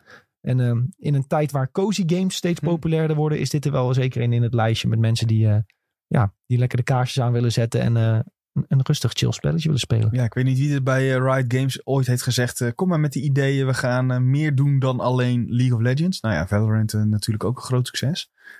Maar dit, als, als dit een beetje door wordt gezet... Ze zijn, het lijkt langzaam maar zeker alsof ze ehm, nu al die steden aan het uitwerken zijn... zodat ze die MMO straks eh, kunnen Ja, ik denk niet dat het per se daarvoor is. Nee, ik denk het ook niet. maar dat de, de, de vruchten beginnen zich af te Ja. werpen van het Riot Forge idee Ja. eh, in ieder geval. Dat, eh, hè, we zijn nu zoveel jaar verder dat er eindelijk wat dingen uitkomen van Mhm. hoge kwaliteit. Ja, en Bandle City is daar één van. Ja, La- maar ja, ze Lazy Bear hebben- Games maakt het Ze trouwens. hebben uh, Bilgewater natuurlijk ook al gedaan in die, die game die om Miss Fortune draaide. Song of Nunu werd ook nog getoond eh, voor, de, ja, voor de zoveelste keer. Maar nu wel weer een uitgebreidere trailer. Ja, is een eh, verhaaltje in, in het eh, sneeuwgebied. Met eh Nunu en Willem eigenlijk. En die eh, moeten op avontuur. Dus ook weer uit de Riot Forge koken. Dat deed me heel erg denken aan die eh, PlayStation 2-achtige platform games. Ja, ik moet denken aan... ehm, die Spyro, dat soort dingen. je hebt nog die game met die Ja. draak die, waar je mee moet lopen. Ja, Spyro. Dat is Spyro. Nee, niet Spyro. Ja. Dat kind met die draak. Ehm, hoe heet die nou? Ik probeer heel hard te denken. Welke. Mm, Wa- Wanneer kwam dit uit ongeveer? ja, die is nog een remaster gehad. Mensen weten on- 100% wat ik bedoel. Kind met draak. Ja, je hebt zo'n Last witte Guardian. draak. The Last Guardian, ja. Oh. Zo vier keer in de chat genoemd. Echt? ja. Ja. Maar ja, de tv staat nu in een onmogelijke hoek. Maar zie je wel, die mensen die, die, die ons kijken, die begrepen mij meteen. Maar jullie doen weer alsof ik een mogol ben. Ja, nee, helemaal niet. Ik Nou. was gewoon op zoek naar welke game je bedoelde. Nee, grapje, grapje. Maar, Maar inderdaad, The Last daar leek het ook weer niet echt op, toch? Nou ja, je moet een beetje samen partner eh, door het gebied heen lopen. En elkaar eh, skills gebruiken om Ja. er doorheen te komen. Een beetje zoiets. Ik snap wel wat jij bedoelt met die games van vroeger. Het is een beetje een soort van, van die oude filmgames of zo. Daar lijkt het ook een beetje op, Ja. maar dan net iets beter. Ja, ja, ja. Wilde jij nog iets noemen, Tom, eh, wat je hebt gezien waarvan je dacht van ja. Nee. Nee? Niet? nee, ja, nee. Heel eerlijk, ja, het is allemaal niet heel erg voor mij. Terwijl er zaten best wel wat leuke dingen tussen hoor. Eh, Ja. eh, Mario RPG, eh, nou, heeft Sven dan al genoemd. Die vond ik ook wel cool eruit zien. eh. maar voor de rest, ja, een beetje... Het, is- het is wel een goede Nintendo Direct. Zeker voor eentje nadat ze er vorige maand ook al eentje hebben gedaan. Dus dan ja, ben ik echt prima verrast met wat ze hebben getoond. Maar eh, ja, ik denk vooral wel veel leuke dingen voor andere mensen. Mensen gingen helemaal gek om die laatste game. Paper Mario, The Thousand Year Door. Ja. ja, vooral remasters en zo hè. Ja, Eh, Mario vs. Donkey Kong, ja, eigenlijk ook weer een soort van eh, ja, rehash van wat ze al eerder hebben gedaan. Ehm ja, Luigi's Mansion 2 HD hebben ze natuurlijk weer opnieuw getoond. Dus het is allemaal een beetje, ja, niet echt nieuwe games. Ja, die Peach game dan, maar voor de rest, ja, vooral games van vroeger weer eh, oppoetsen.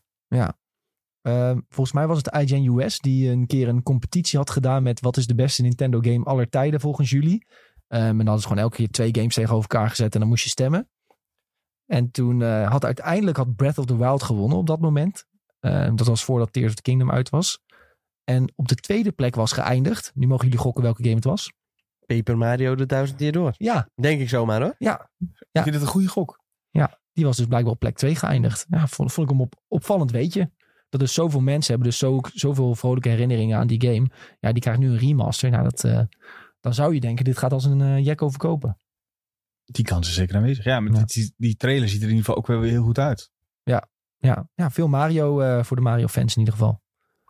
Ehm, voor de rest had ik zelf ook niet heel veel eh, bij die direct waar, waar ik meteen van dacht van wow, helemaal lijp. Nee, ook wel veel dingen dat ik dacht van ja, oké, doe maar de volgende. Ja, maar ja, dat hoort een beetje bij zo'n direct. hè. Zeker waar, zeker waar. Ehm, goed, dan gaan we doorspringen naar de, de PlayStation State of Play, jongens. Die heb ik dus helemaal gemist omdat ik vast zat in de trein. Dat was niet best hoor. Of tenminste, live had ik hem gemist. Jij stond ergens eh, In, in op de, de Den Bosch of zo, toch? ja, in Den Bosch eh, stond ik helemaal vast. Maar, ehm, Ja, maar dat begon met die baby steps van Devolver. En ik dacht echt, oh, dit wordt er weer zo één. waar, waarom, dit wordt een hele, ondanks dat het maar een half uurtje is, wordt dit een hele lange presentatie. Ja, het is echt, dat is niet mijn humor. Dat is echt heel suf. Ja. En ik, ben- ik hou echt van hele droge, droge humor, maar dit eh, ging me echt al een beetje te ver. Bij State of Play denk je de laatste tijd gewoon de hele tijd van... waarom zenden jullie dit nog uit? Doe dit Nou ja, gewoon... Waar blijven jullie first party titels? Nou ja, hadden ze vooraf al gezegd dat die er niet zouden zijn natuurlijk. Ehm, Ja, ze doen gewoon ja. één, één, hooguit twee first party titels per jaar die echt ja, groot zijn. ja. Oh ja, dus eh, nou, dit jaar Spider-Man 2 Ja, dan. Ik kan zeggen, Spider-Man was natuurlijk wel aanwezig met een nieuwe, nieuwe gameplay trailer en feature trailer. Wat, waar trouwens al heel veel eh, nieuwe info in zat. Ehm, maar eh, ik had toevallig vlak daarvoor de eh, preview eh, gezien. En daar stond letterlijk, dat was letterlijk de preview ongeveer. Ja. Ehm, van wat ons Gerard heeft gespeeld. Ja, dus, eh, maar dat baby steps, eh, dat, pff, ik vind die vol voor top, maar dit mag ik lekker overslaan. Ja, zeker. Ehm, waren er dingen bij waar je wel vrolijk van werd, Sven? Ehm, ja, als je, eh, zeker aan het eind, als je helemaal naar beneden scrolt eh, in ons artikeltje, daar Scroll, was scroll, een, scroll, eh, een scroll, trailertje van eh, Final Fantasy 7 Rebirth. En die kreeg een release datum. Wat we, nou ja, we wisten al dat die eh, in de winter van, in de komende winter hadden ze gezegd. En eh, het is nog, eh, ja, ik weet niet, is het, of, ja, het is nog net winter dan, 29 februari. Ja. Komt die uit? Ja, dat. eh, Voor mijn gevoel opeens redelijk snel. Ik heb het idee, die game is er opeens. Voor mijn gevoel, hè. Ik zit niet heel erg in, die wereld, in de Final Nou Fantasy ja, 7. hij is toen met die 25 anniversary of zo hebben ze toen heel veel eh, Final Fantasy uiteraard eh, zeven dingen onthuld. En daar zat Rebirth toen ook bij. En volgens mij werd toen ook de naam Rebirth, want het zou eerst Remake 2 zijn. En toen werd het Rebirth eh, gedaan, ge- genoemd. Vind ik ook een slechte naam trouwens. Waarom? Omdat het een beetje klinkt alsof het een eh, losstaande DLC is. Terwijl het is gewoon een compleet nieuwe game. Ja, het is Eh, al, ja, het is het is al een weer- vervolg. Ja, maar het is, het is weer. Ze, ze maken nu een trilogie van Final Fantasy 7 in een remake vorm. Eh, ja, dat. En dan is dit het tweede deel van die trilogie. Dus waarschijnlijk Ja. moet je eigenlijk remake eerst ook nog spelen. Anders volg je er helemaal geen klap meer van. Ja, maar, ja, dan, nee, maar dat het, ik zeker. Maar dat bedoel ik juist. Het is van naamtechnisch een beetje lastig om Ja. inderdaad een logisch... Ja, maar dat is sowieso natuurlijk al een ding waar de Final Fantasy reeks sowieso veel problemen Ja. heeft. Van nu is dan 16 uitgekomen. Ja, en mensen vragen, moet ik dan die andere 15 ook spelen? Ja. Eh, om Ja. te snappen. Ja, en dat is dus niet zo. Dus ik denk dat dat wel Ja, een ding is. Waarschijnlijk hebben zij gedacht, we kunnen moeilijk dit noemen Final Fantasy 7 Remake 2 of Final Fantasy 7 2. Ja, nee, dat werkt allemaal niet. Ja, Final Fantasy 7 Remake 2 heb ik wel een goede gevonden. Ja? Ja, op zich wel. Dan is het wel duidelijk. Dan weet je wel dat het om een tweede deel gaat. Ja. ja, snap ik. Ja, Rebirth, dat klinkt echt als een oppoetsbeurt. Ja, de naam Rebirth inderdaad. Ja. Is, soort- ja, lijkt, is het weer een remake, denk je dan of zo? Ja. Of, eh, Dan had je gewoon helemaal eh, iets- zonder re in ieder geval moeten doen. Zonder re. Ja. oké. Nou, nee, nu kunnen we gaan speculeren wat deel 3 wordt, hè? De, met Re. Eh, remake, Rebirth, rehashed. Of gewoon alleen re. ja, Vijf, vijf E's. dat zou goed zijn. Maar ja, die trailer zag er echt eh, redelijk lijp uit. Dat eh werd ik wel heel vrolijk van, ja. En de 20 inches of Sephiroth. Die statue bedoel je? Ja, die statue. Dit was niet normaal. Ja, dat is een hele zieke het is statue. heel goed dat ik eh, even voorzichtig moet doen met geld. Anders dan had ik er vijf besteld, denk ik. ja, ja, dat is Nou, hoeveel was het? 380 euro Ja, of zo? zoiets. Ja. Ja, maar wel echt heel vet. Ik moet zeggen, dat, dat, dat is de val waar ik de vorige keer in ben getrapt. Die trailers vind ik er dan heel vet uitzien. En dan denk ik, dit is iets voor mij. Nou ja, ik heb 7 Remake het eerste deel gespeeld. En het was niet iets voor mij. Ik heb hem zelfs uitgespeeld. Nou, eh, terwijl het niet echt goed, iets voor mij was. Ja, dat is wel knap, maar hoor. ik weet nu wel zeker ook dat ik Rebirth niet ga spelen. Ja, Ik kijk wel een keer een filmpje Ja, met eh, de samenvatting. Ja, maar- ja, nou ja. Op twee discs, hè jongens. Ja, Hoe vet is dat? Ja, ik vind dat weer een beetje suf dat ze denken alsof dat iets cools is. Ja. Ja, dat is natuurlijk een beetje omdat vroeger kwam Final Fantasy 7 ook op 28 schijfjes. Nee ja, 4 geloof ik. Ja. Ja, dus dat is cool voor de mensen die dat vinden. Maar ja, ik doe gewoon de, de, de digitale download hoor. Dan, eh, geen gezeik met Dan eh, kun je in één keer eh, je hele harde schijf volzetten, denk Ja, ik. dat wordt even extra, het, extra terabyte erin prikken. Deze game die gaat, geloof ik, 100 uur duren. Van wat ik las. Ja, dat- Nee, je kunt er 100 uur in kwijt. Oh ja. het zijn altijd weer van die, een beetje van die marketingtermen natuurlijk. Als jij alle icons wil vrijspelen Ja, en alle extra summons, dan eh, kun, je, kun je er 100 uur in kwijt. Ja. Zoiets zal het zijn. Ja, dat vind ik altijd.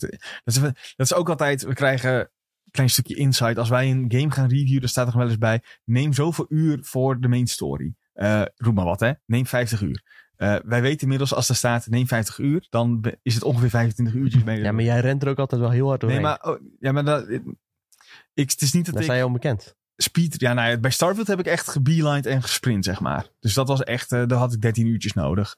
Maar bij andere games eh, zit ik wel op echt flink wat uren minder, ja. Dan dat er altijd wordt, wordt gezegd. Maar dat is niet omdat ik heel goed ben in gaming, maar dat omdat ik denk dat, die, dat, de, dat het een soort marketingtruc is om te zeggen dat het 30 uur is, terwijl dat niet zo is. Ja, ik denk dat ze tegenwoordig wel wat eerlijker over zijn nog. Bijvoorbeeld bij, bij Marvel Spider-Man 2. Ja. Eh, om maar een brug te slaan. Daar zijn ze al heel eerlijk over dat het ongeveer even lang is als eh, het eerste deel. Ja, maar dat was 25 uur voor de Platinum. Dus nu Ja, ben je ook weet iets ik van 17 uur of zo, zeiden ze, ben je klaar met de main story. Ja, dus dan doe jij het in 14. 12, ja. Ja. ja, ik denk wel dat dat een beetje zo, eh, zo gaat. Nou, ik denk, ja. Ja. Maar goed, eh, misschien is het ook wel prima voor zo'n game. Ja. Weet je, het hoeft er, voor, mij hoeft ook niet alles 500 uur te zijn. Nee, dat is ook zeker waar. Ja. Hoeft niet alles over Baldur's Gate te zijn, toch? Nee, zeker niet. Eh, zeker niet, zeker niet, zeker niet. Hey, ehm, ja, laten we de sprong dan maar maken even naar Marvel Spider-Man 2. Hè, dat is eigenlijk waar de ogen op gericht moeten zijn eh, volgens PlayStation. Dus die, Ja. eh, die tijd hebben ze er ook voor genomen. Eh, dikke nieuwe trailer erbij, nieuwe combat. Ehm, Gerard ons eh, previewtje gedaan. We hebben een video op de site staan, eh, ook van de preview. Ook op YouTube staat die, mocht je die nog terug willen checken. En dan hoor je wat Gerard ervan vond. Hij was in Londen voor ons geweest. Ehm, heeft tweetal missies volgens mij mogen spelen. En eentje was een beetje open wereld ontdekken. En de andere missie was echt flink gaan vechten tegen de Lizard. En dat is ook wel een beetje wat je in de trailer terugzag. Hè? En ook het wisselen tussen de twee Spideys. Ehm, hoe seamless dat wel niet gaat. Ja, dat is echt, dan denk je echt, ja, Insomniac heeft echt eh, die PlayStation 5 eh, zo goed onder de knie. Beetje Max Verstappen met zijn Red Bull is Insomniac met de PlayStation 5. Ja, voor afgelopen weekend een beetje een slechte vergelijking, maar ja, klopt wel. Gelukkig weet ik niet wat Max afgelopen weekend heeft gedaan, maar heeft hij een keer niet gewonnen? Hij heeft een keer niet gewonnen. Oh, oké. Hij werd vijf. Vijfde. Wat een noob zeg. Take de L. Take de L. Nee, maar ik vond de vergelijking op zich wel goed. Want als je ziet wat Insomniac nu al uit die PlayStation weet te persen. en waar andere ontwikkelaars er soms moeite mee hebben. Maar vanaf het begin al, hè? Met Ratchet Clank. ja, met al. Ratchet Clank. Al binnen no time 60 fps met eh, de beste eh, grafische mode. En dat gaan ze nu bij Marvel Spider-Man 2. eh, volgens mij vanaf release kunnen ze al best veel modi in 60 fps laten draaien. Ehm, en als je ook ziet, ook die transition. Als je bijvoorbeeld wisselt naar, van, van Miles naar Peter. Dan zie je dat Peter aan het, aan het eh, ja, aan de, hoe heet dat? Buikspiertjes. buikspieroefeningetje aan het doen is op de zijkant van een gebouw. En dan kun je door. Dat is het laadschermpje gewoon wat je hebt in principe. Of je wisselt naar Miles en dan zie je eigenlijk dat Miles al van een gebouw af aan het vliegen is. En dan pak jij het vanzelf wel over als het laadschermpje voorbij is. Ja, dat is echt zo dik gedaan. Ja. Ik vind het echt fantastisch. Eh, De stad ziet er gewoon nog beter uit. Er komt een heel gebied bij waardoor het eigenlijk de game ongeveer twee keer zo groot moet worden. Of het speelveld. Ja, dat eh, is gewoon heel goed gedaan. Als je van Gerard zo hoort hoe dat vliegenveld met die vliegen voelt met die webwings. Hoe de gevechten aanvoelen. Dan denk je van ja, dit is wel echt een hele duidelijke upgrade ten opzichte van de eerste twee delen. Ehm, als het dan verhaal technisch ook nog weet eh, te bekoren. Ja, dan gaat eh, Marvel Spider-Man 2 misschien dadelijk ook nog wel meedoen voor een Game of the Year titeltje. Jeetje, wat een uitspraak. Nou, ze gaan het niet winnen, maar ze mogen, me- ze mogen best Ze mee- mogen meedoen. ze mogen meedoen. Ja, nou, toch? lief van je. Maar je weet toch dat deze game voorbij gaat komen Ja, in die lijst? ja. Van, eh, Nou Ik ja. denk Bij de nominaties. 93. 93 met de critic? Dat zeg je. Zo. Oké. Dat is ook heel Ja, maar ik zat de vorige keer ook heel laag, geloof ik. Met eh, de, de Starfield predictions. Ja, ik dacht ik doe gewaagde uitspraak bij Starfield. Toen eh, zei ik 91 geloof ik. Ja. Eerst wilde ik 89 zeggen, maar dat had Nick al gezegd. Ja, ik zei wat, 83 of zo. Ja. Nou, dan zet je aardig in de buurt. Ja, wij allemaal, wij allemaal uiteindelijk natuurlijk. Maar uh, jemig alsof we er verstand van hebben. Nou. Eh, Maar goed, in ieder geval Marvel Spider-Man, ook die trailer maar, en de previews maken wel echt enorm indruk op mij. Ik, ik had eerst, had ik echt zoiets van, pff, heb ik daar wel zin in om dit eh, weer te gaan spelen? Maar ja, dan zie ik dit voorbij komen en dan heb ik toch wel weer zin om eh, gewoon een beetje op eh, vierkantje te drukken en te zien hoe ik iedereen in elkaar sla daar. Maar ook hoe het er weer eruit ziet. ja, het ziet er echt geweldig uit. hè. Inderdaad, wat jullie zeggen, dat Insomniac zo goed de PS5 onder de knie heeft. En ook dat alle drie de grafische modi, dat die dan ook weer ondersteuning hebben voor raytracing. Ja, dat is wel echt heel knap. Ja, en die 65 outfits om te verzamelen. Ik ben daar een enorme sukker voor. Als je tegen mij zegt van, je kan mooie outfits verzamelen. Ja, dat wil ik. Ja, ik, daar ben ik heel simpel in. Ik vind dat altijd leuk om eh, speciale outfitjes te krijgen. Ja. Dus ja, Even snelle vraag. Waar werken zij ook weer nog meer aan? Is dat ook die Wolverine? Ja? Wolverine. Ja. Eh, Verder nog iets? Ja, vast wel, maar eh, Ja, oké, wat bekend is. Eh, nee, niet wat bekend. volgens mij was het Wolverine en Spider-Man. En daarna Ja. moet je maar gaan afvragen wat ze Nou nog ja, ik meer gaan snap doen. wel dat, dat zeg maar eh, Sony zegt van gaan jullie maar eh, lekker van alles maken. Want eh, Ging er niet gerucht over een eh, remake van Sunset Overdrive of zo? oh ja, zoiets was wel. Maar ik weet niet of dat eh Ja. geruchten. Nou, nu Hoe, Spider-Man hoe kan het dat je nu opeens wel hype bent? Is dit de trailer waar- waardoor jij Ah. opeens hype bent? Nou, ik heb de voice-over ook ingesproken van Gerard zijn preview. En ik heb eh Jordans preview had ik nog gecheckt. Ehm, ja, ik had die trailer gezien. Ehm, en ik dacht ook van ja, ik heb ook wel weer zin in een gamepie die eh, een beetje verhalend is. Waar je gewoon in de maximaal 20 uur lekker doorheen kunt. Ja. Ja, vind ik wel mooi. Een beetje slingeren door die stad. Het is ook allemaal niet te moeilijk. Hij gaat ongeveer 17 tot 20 uur duren. Ja, zoiets. Maar- Sommige mensen vonden dat te klein. ja, vind ik niet per se. Bijvoorbeeld Ma Miles Morales, zijn verhaal was 12 uur. Ja, vond ik prima. Ja. Bedoel, niet, niet elke game moet zo kort zijn. Maar er mag voor mij best wel eens zo'n... Kijk, zeker zo'n verhaal. Dat hoeft voor mij ook niet eh, helemaal uitgesmeerd heel groot te worden. Nee, maar wat Joran bijvoorbeeld zei, is dat nou, ja, hij, hij kijkt dan vijf jaar uit naar deze game en dan hoort hij van, oh, eh, hij duurt maar 20 uur. Ja, maar ja, dan moet je maar Dus niet vijf jaar uitkijken naar die game. dat is toch ook echt fout nummer één. je gaat toch niet vijf jaar lang uitkijken naar zo'n Marvel Spider-Man game? Oh, Want ja, zo'n type game is het niet. Denk ik, waar je, zo, waar je, waar je al eh, vijf jaar lang over moet dro kunt dromen. Want Ja. je weet gewoon, dit wordt niet langer dan, dan 30 uur, dan heb je die platinum. Kijk, zo'n zo'n Bethesda game, eh, zo'n Elder Scrolls 6 waarvan je weet, ja, dat wordt 200 uur om elke quest eh, te zien. Ja, daar kun je nog eens even naar uitkijken. Trap je nou niet in, doe dat dan niet. Maar zo'n Marvel Spider-Man game, ja, je, je kunt daar best wel naar uitkijken. Maar je moet er niet elke dag van wakker liggen. En oh, ik hoop dat, ik, dat ik 50 uur erin kan spelen. Want dan, je weet toch ook gewoon dat dat niet gaat gebeuren. Nee. Dus ja, maar gewoon een compact verhaaltje van eh 15 à 20 ja, uur. ik vind dat ook prima. Hoor. Daar heb ik eh, helemaal zin in. Ja, kom maar door. Kan ik mijn 10 games nog halen voor het eind van het jaar? Ja, ik zag net, eh, je stond op 9, dus eh, Als ik BG3 heb, dan heb ik Ja. al 10. dan ben je al klaar. Vamos. Vamos. Hoef, Ja, geen bier, hoor. hoef geen bier te betalen. Aan het eind van het jaar. Ja, maar je moet gewoon mijn doen. Gewoon vooral al zeggen, ik doe niet mee. Nee, maar ja, dan, dan kan, mag je ook geen gratis bier drinken als Nee, wel is gelukt. Nee, dat is waar. Hadden jullie nog iets van die PlayStation presentatie, jongens? Allemaal Eh, Foamstars gaan spelen. Ja, ja Sven eh, komt weer terug met zijn Foamstars. Ja, nou ja, dat is, ja, ik denk oprecht ook wel van wat ik verder heb gezien, wat in mijn straatje ligt, moet ik erbij zeggen. Dan eh, moet je dat hebben. Ja. Eh, Resident Evil 4 DLC, Separate Ways. Vond ik heel tof eruit zien. Een soort alternatief verhaallijn. Kost maar een tientje. En eh, komt eh, op 21 september uit. Dus dat is al bijna. Ik zou bijna eh, vergeten dat die ook dit jaar ja. is uitgekomen. Ja, een van mijn favoriete games dit jaar. Zeker wel top 5. Ja, dat zegt een hoop, want het is echt een hele, hele goede Nou ja, game. dat is al echt heel knap. Ja. En toen die uitkwam, zei ik... Dit is misschien wel mijn Game of the Year. En toen kwamen er opeens nog een heleboel andere hele goede games uit. Wat ik niet per se bij iedere game had voorzien. Maar eh, ja, fantastische game. En eh, nu ga je echt nog ve- veel meer eh, nieuw content krijgen. En ook, geloof ik, content die niet per se in het origineel zat. Dus dat is ook wel tof. Ja, lekker. Ik mag nog een kleine aanvulling doen voor Foamstars. Ik zeg Doe maar. iedereen spelen, dat komt dat er een open beta komt. Vanaf eh, 29 september, even uit mijn hoofd, Ja, tot eh, 1 ja, oktober. paar- ja, precies, dan een paar dagen. Dus dan Ja. kan je het gratis, wel in de PS5, wat ik begreep, kun je gratis proberen. Je hebt zelfs geen PS Plus voor nodig. Ja, heel leuk. Foamstars, lekker ja, proberen. Kom maar met mij spelen. Ehm, ja, nog even wat eh, grote game die voorbij kwam. Avatar Frontiers of Pandora. Nieuwe gameplay trailer. Toch weer iets meer nieuwe beelden van gezien. Zorgt dit ervoor dat er... Ja, dat de verwachtingen wat hoger worden van de game? Of blijft het een beetje Ja, gematigd? het is, ik denk niet dat het mijn game is. Dat is het vooral. Ja, je moet een Het beetje houden wel, van Far er Cry. wel eh, goed games. uit. Zeg maar ook, eh, vooral, ik denk maar dat ze heel veel eh, soort tussenstukjes eh cutscenes hebben gebruikt. Maar ook de delen die wel gameplay zijn, dat ziet er gewoon allemaal, ja, het ziet er goed uit. Alleen, ik, ik blijf toch altijd een beetje voorzichtig met Ubisoft. Ja, nou ja, dit wordt gewoon Far Cry met een eh, Avatar eh, skin. Ja. Dus ja, dus maar, als je dat, ben ik voorzichtig. maar er zijn heel veel mensen die dat leuk vinden. En die, voor, die denken, ja, dik prima. Weet ja. je? Ja, nee, zeker. Gewoon lekker icoontjes aflopen, stammen, stammen verslaan en eh, lekker een verhaaltje meepakken. Ehm, ja, ik ben wel benieuwd hoe deze gaat scoren. Het Hm. kan voor mij nog steeds alle kanten op. Zeg maar de Metacritic scoren. Ik heb echt nog geen idee. normaal kun je het wel inschatten, maar ook omdat het een beetje een nieuwe IP is, vind ik het lastig om nu al te zeggen van oké, dit Mhm. gaat echt heel erg Mhm. goed of heel erg slecht worden. Ja, ik denk dat het heel erg afhangt van het verhaal. Want we weten, je weet tenminste, eh, ook van de films en zo, weet je wat, wat het is. Eh, zullen er niet heel veel verrassingen zijn van, eh, oh wow, dit is opeens deze stam. Nee, ja, dat heb je al gezien in die films. Ehm, dus ja, daar moeten ze iets, iets tofs in bedenken. En dat is denk ik de, de grote eh, uitdaging. Ja. Want laten we heel eerlijk zijn, eh, de film, eh, films van Avatar ga je niet echt heen voor het verhaal. Dat ga je heen omdat het er zo fantastisch uitziet.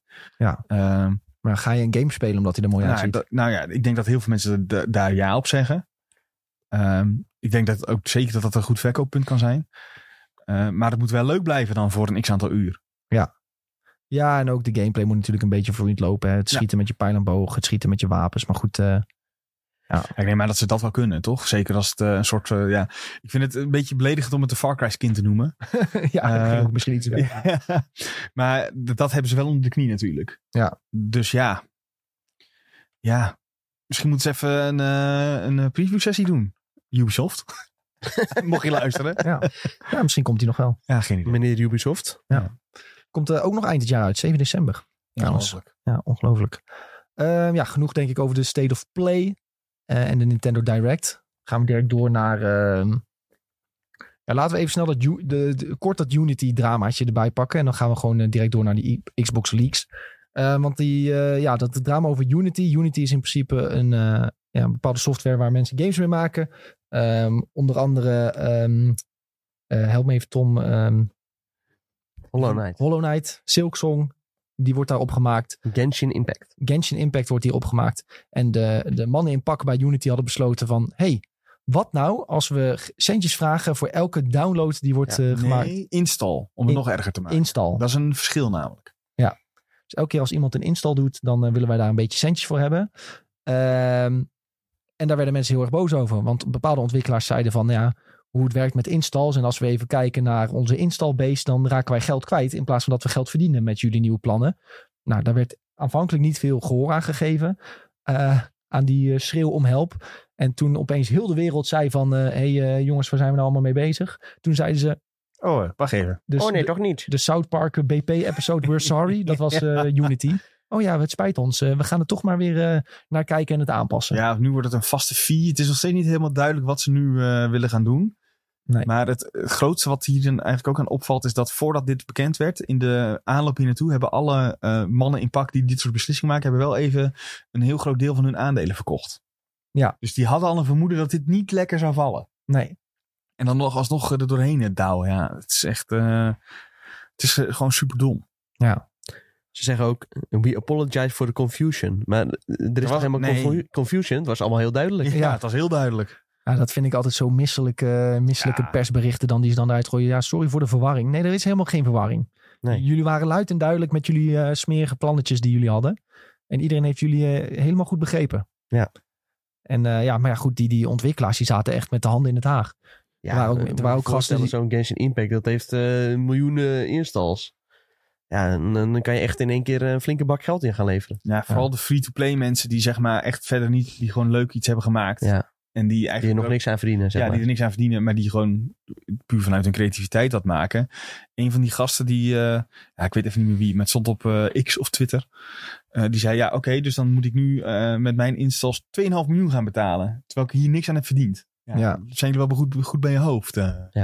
Ja, maar ook, er was ook, eh, je moest betalen vanaf 200.000 installs of zo. Ja. En toen zei iemand, zei zo'n ontwikkelaar, oké, dan eh, die game die ik nu maak, die kan dus 199.000 keer geïnstalleerd worden Ja. en dan niet meer. Ja, Zulke, zulke dingen gingen ze dan allemaal eh, zeggen. Ja ik, ja, ik weet niet. Ik snap niet hoe je bij zo'n bedrijf kunt werken en denken van ja, dit is echt een supergoed idee. Laten we dit eh, door gaan voeren. ja. Nou, mensen die hebben natuurlijk de installcijfers gezien van eh, Genshin Impact en die dachten, hey, hey, Als wij eh Cashje. vangen, dan kunnen we heel veel geld verdienen. nee, ongelooflijk, maar eh, ja, Moet ik wel bij zeggen, ga dan niet de mensen die bij Unity werken met de dood bedreigen. Dat gebeurt dan ook weer. Dan denk ik van, Ook niet handig. dat is, doe nou niet zo dom. Denk nou even na. Adem even 15 keer in en uit. En besluit dan om het nog steeds niet te doen. Druk dan niet op enter of verzend. Ja, dat, dat is toch ook... Goed, hè? Goed, hè? Nu naar eh, het meest opvallende nieuws van de week, van de maand, van het eh, jaar misschien wel. eh, Zo, uitspraken. nou ja, ik bedoel, dit is toch echt wel weer huge wat, wat er vandaag voorbij is gekomen. Dit is Megaton. Mooi. Zo, prachtig. Ehm, nou, in ieder geval, uit, die, eh, de, uit de FTC versus Microsoft eh, rechtszaak zijn nu eh, wat documenten gelekt. Er zijn mensen wat slordig geweest. Ehm, en daardoor kunnen nu allerlei zaken in worden gezien. Zoals e-mails, presentaties. Echt ongelooflijk wat er allemaal op straat ligt. Echt Xbox met de billen bloot, als het ware. En ja, ik denk misschien wel een van de grootste dingen is ehm, een nieuwe console die eraan zit te komen. Die staat gepland voor oktober 2024. Ook dat zomer. Oh, oktober dan. Eh, je zou wel gelijk hebben. Oh ja, je hebt gelijk. En ehm, die heet tot nu toe Brooklyn. Xbox Series X Brooklyn. Dat noemen ze dan zo'n refresh console. Dus een soort verbeterde versie van de huidige Series X. En die zou dan dezelfde prijs kosten. Maar dan met wel 2 terabyte SSD ingebouwd. Een USB-C poortje aan de voorkant. ehm, snellere wifi. Geen gleuf voor de disk. Geen gleuf voor de disk, nee. En opvallend genoeg ook geen grafische verbetering. Het is hetzelfde apparaat in principe. Ja. Waar nog wel eens een, een een PlayStation Pro bijvoorbeeld. Dat, die krijgt altijd grafische verbetering, maar dat is deze niet. Ja, dus het grote voordeel zit hem denk ik vooral in, ehm, in de 2 terabyte storage. eh, de snellere wifi. ehm, Nou, ik vind ook eh, minder power consumption ook wel eh, iets noemenswaardig hoor. Ja. Want ik kan, als ik thuis veel aan het gamen ben, kan je precies zien dat er een maand veel gegamed is. Gewoon puur omdat die consoles zoveel trekken. Ja. En dat, ja, toch in de huidige markt, hè? is dat toch wel een dingetje? Dit eh, klinkt heel eh, opa verteld. Wacht maar tot je eigen stroom moet eh, betalen. Ja. Ja, onze stroomrekening valt uit, eigenlijk altijd wel redelijk laag uit voor mijn gevoel. Tenminste, je kunt bij ons altijd zo'n vergelijking zien met, Ja. met, eh, hoe ja. ben je met andere Mhm. huishoudens en dan vallen we laag uit. Ja. Nu hebben wij natuurlijk een appartement. Nou, we hebben een appartement ten opzichte van een heel huis. Ja, dat, eh, dat verschilt, scheelt ook. dat scheelt ook een hoop. Nou ja, ja. ik weet nog, ik weet, weet precies dat eh, ik heb toen Final Fantasy 16 veel gespeeld. Ja, ik zag echt een kleine piek, eh, omdat mijn PS5 heel hard stond te, te blazen steeds. Ja, Ja. Jeetje. Dat is toch, als dat 15% minder zou zijn. Maar zie je Dat- dan echt specifiek dat het je PS5 is? Of is het je tv? Nee, ja, dat zou mijn tv ook nog. Nee, ik denk niet dat mijn tv is. Ja, het zou kunnen. Combinatie sowieso. Ja, maar ik denk even, kijk, want mijn vriendin kijkt ook nog wel veel tv. Dus dan, dat zit al op een soort baseline of zo. Maar het is de, dan eerder de combinatie, ja. Dat is een goeie. Ehm, maar goed, inderdaad, dus gewoon een geüpgrade versie van de Series X. Zo moet je hem eigenlijk denk ik zien. Hij wordt ook rond in plaats van vierkant. Ehm, mensen noemden het eh, bij ons op TikTok al een wifi-toren. Ja. Ja, daar lijkt hij wel een beetje Ja. op. Ja, maar ja, de Was het al? PS5 eh, was, was eerst een eh, soort oversized router, toch? Ja. Dus ja. Was er goed bij. Kun je, ze kun je ze mooi samen neerzetten en dan denkt iedereen inderdaad dat je goed internet hebt thuis. Ehm, goed, die Xbox dus onthuld, de Brooklyn. Daarbij zat ook een nieuwe controller en die noemen ze de Sebel, Sibal, Sebel, Sibylle. Sebile, ja, geen idee. E S-E-B-I-L-E in ieder geval. Seabile. Sibal, Sebel, Geen idee. ik weet niet. Sibylle. Vreemde- ligt eraan waar je Vreemde het naam, ik hoop een werknaam, maar dat ze er nog iets anders voor verzinnen. Maar eh, er zit dus haptic feedback in. Wow, dat eh, kennen we al van een andere controller. ja, Xbox krijgt een DualSense controller. Ja. Wat gaaf. En ze hebben zelfs twee kleuren om aan te geven dat het dual is. Ja, hij is half wit, half zwart. Ehm, ook verbeterde thumbsticks, eh, knopjes gaan langer mee. Weet je, dat, eh, dat soort eh, voordelen hebben ze. Maar goed, ik moet zeggen, die Xbox controllers vind ik zelf altijd heel erg fijn in de hand liggen. Dus dat er een verbeterde versie komt voor bij de console. Ja, alleen maar goed lijkt me. En dat het dus allemaal niks, niet meer kost. Gewoon, Je Mhm. betaalt hetzelfde als nu voor de Series X. Dus dat ze daar niet een meerprijs voor vragen. Nou, dat vind ik ook wel sick. En natuurlijk ook nog even die S die ergens tussendoor eh, werd gefietst. Eh, ja. eh, de, er komt dus ook een vernieuwde versie van de Series S. Nou, eigenlijk is dit een nieuwe versie van de Series S. Want deze heeft geen disk drive. En de Series S heeft ook geen disk drive. Ja, maar het grote verschil is dat die Series X, die is grafisch gewoon veel krachtiger. Ja. Dus die Series S krijgt eh, iets meer RAM, geloof ik. Dus dit is eigenlijk een soort. Dit zit tussen de S en de X een beetje in. Want het, maar Maar dan het is gewoon eigenlijk een digitale X. Ja. Ja. Met nog eh, wat extra terabyte Ja. geheugen. Ja. En, eh, ja, opvallend. Maar goed, de controller ziet er prima uit. En inderdaad, die S die krijgt ook een nieuwe versie. Ja. Ehm, maar Als schiet je me dood, weet ik nou niet wat daar allemaal de verbeteringen Ja, nou ja, waren. dus een beetje 10 ram. gigram, ja. Een beetje rammelen. Dat is het enige wat we Ik denk eh, gewoon vooral om, dat, eh, om de brug tussen de X en de S een beetje Ja. kleiner te maken. Ja, terwijl je wel van heel veel ontwikkelaars hoort... ja, als we niet voor die S hoeven te ontwikkelen... dan was het allemaal een stuk makkelijker geweest. Ja. Maar goed. Ehm, in die eh, lijst met leaks zaten ook een hele lijst met games die nog uit gaan komen. En er stond er volgens mij is dit fiscal year. Eh, maar die jaren, daar moet je niet helemaal naar kijken, denk ik. Nou ja, ik denk dat het aardig klopt, toch? Wat we nu allemaal eh, Hmm. zien.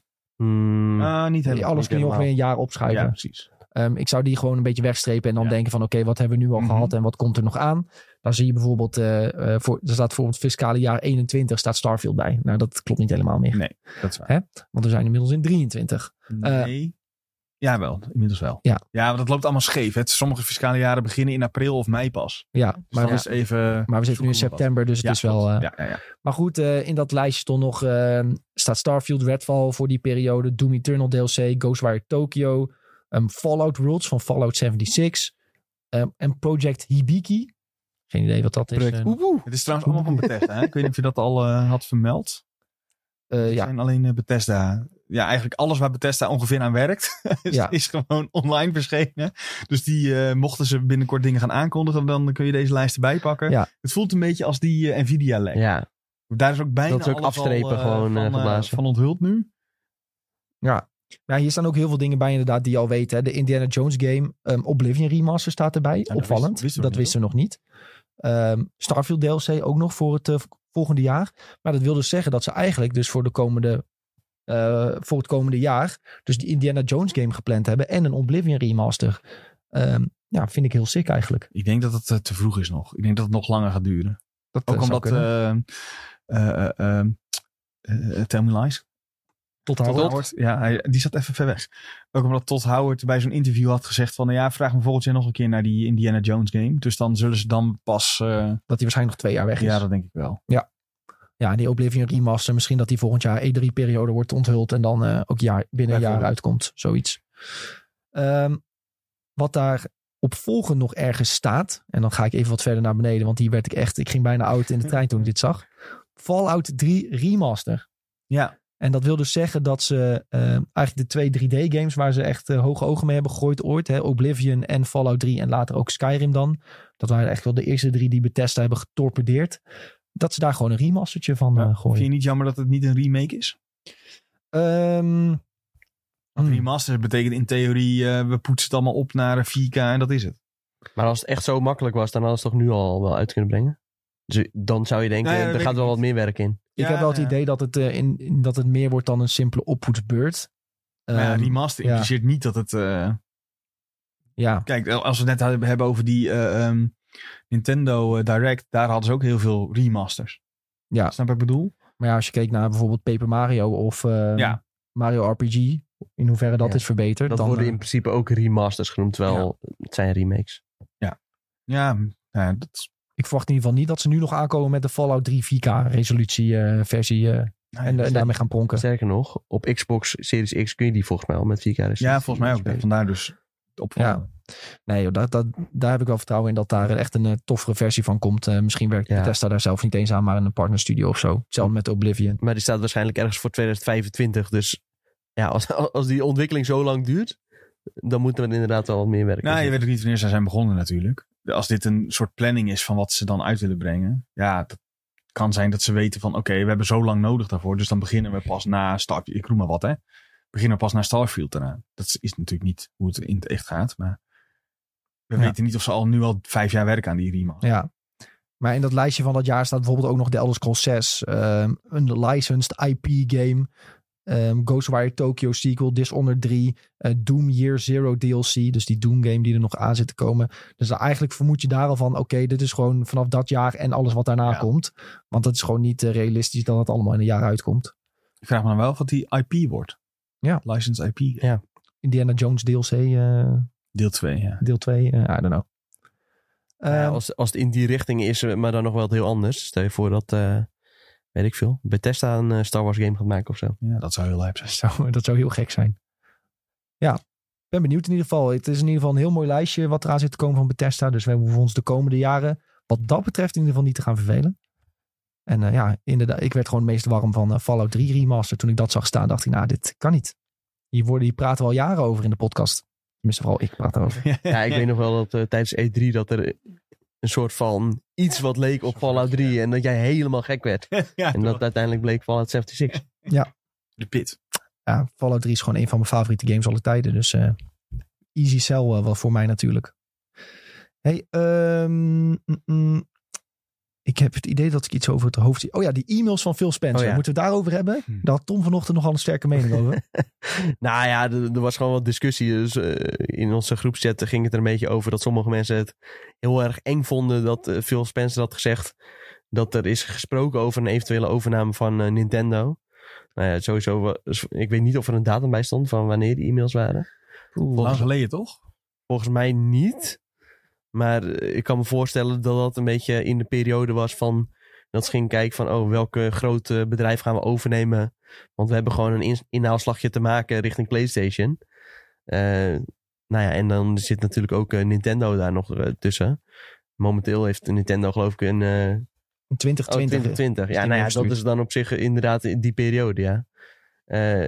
En Nintendo heeft momenteel iets van een market cap van 50 miljard. Ik kan me voorstellen dat drie jaar geleden nog iets lager was.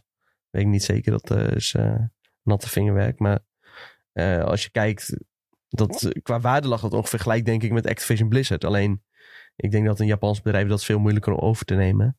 Dus vandaar dat misschien uiteindelijk de keuze op Activision is gevallen. Maar op zich vind ik dat niet eens een hele gekke gedachte. Want als je denkt, ja, de combinatie eh, Xbox en Nintendo. En dan eh, kun je misschien Nintendo wel helemaal zijn eigen ding laten doen of zo. Ja, dat vind ik helemaal niet, eh, niet heel gek. Ja, het voelt natuurlijk gek omdat je de drie pilaren zijn eh, de Nintendo Switch, de PlayStation en de Xbox. En als je dan opeens denkt dat de Xbox en de Nintendo Switch onder hetzelfde vlaggetje vallen, dat voelt denk ik een beetje gek. Ja, eh, ja, zeker. Het is ook heel moeilijk om het je voor te stellen. Ja. Maar ik vind het vanuit eh, ja, zijn oogpunt geen hele gekke gedachte of zo. Ja, mensen doen alweer ja, heel eng dat ze zomaar de hele game-industrie over gaan nemen. Maar voor, vooralsnog is de re- realiteit eigenlijk eh, dat Microsoft nog steeds ver achterloopt op eh, Nintendo en PlayStation. Ja, Qua Ik- verkopen dan. ik weet ook niet of de oplossing is, dan kopen we ze maar op. Ik, dat is natuurlijk ook, het, is, het gaat natuurlijk allemaal om kapitalisme. Hè? En dat is natuurlijk een beetje, Ja. voor puristen die van games houden, is dat niet altijd het meest ideale uitgangspunt om eh, zo leuk mogelijke games te krijgen. Ik denk nog steeds dat het beste is als we die drie pilaren in ieder geval apart houden van elkaar. Dat dat niet onder een vlaggetje gaat vallen. Ehm, ja, maar ja, Microsoft heeft heel veel koopkracht. Dus ja, en Ja. Dat, zij, dat zij natuurlijk nog eh, sterker willen worden in de markt. Ja, dat is eh, logisch. Ik bedoel, ja, ik schrik er ook niet van dat ze dit hebben bedacht. Maar ik zou er geen voorstander van zijn dat dit, dat veel zijn idee om een Nintendo te kopen door zou gaan. Ik zou er geen voorstander van zijn. Nee, ik denk ook dat Nintendo beter gewoon eh, ja, Lekker zijn eigen, zijn ding eigen doen. ding kan blijven doen. Alleen, ja, aan de andere kant, eh, ja, als je het zelf niet koopt, dan eh, gaat iemand anders mee vandoor. Eh, zo werkt het ook wel weer een beetje. Als je dan nu ziet hoeveel bijvoorbeeld Saoedi-Arabië in Nintendo investeert. Ja, die stoppen daar ook miljoenen in, of misschien wel miljarden.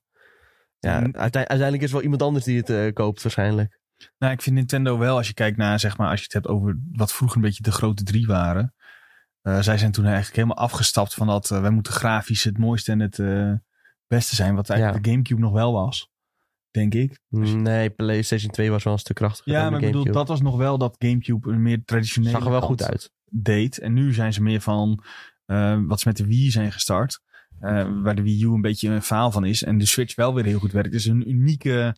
Wat, wat, wat hun consoles uniek maakt, dat werkt gewoon heel goed. Plus, de games die zij maken richten zich ehm, veel meer dan eh, Xbox en eh, PlayStation op een eh, echt een hele bre- heel breed publiek.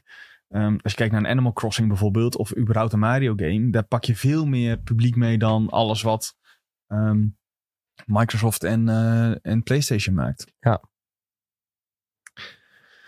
Oké jongens, in ieder geval eh, gek nieuws deze ja. week.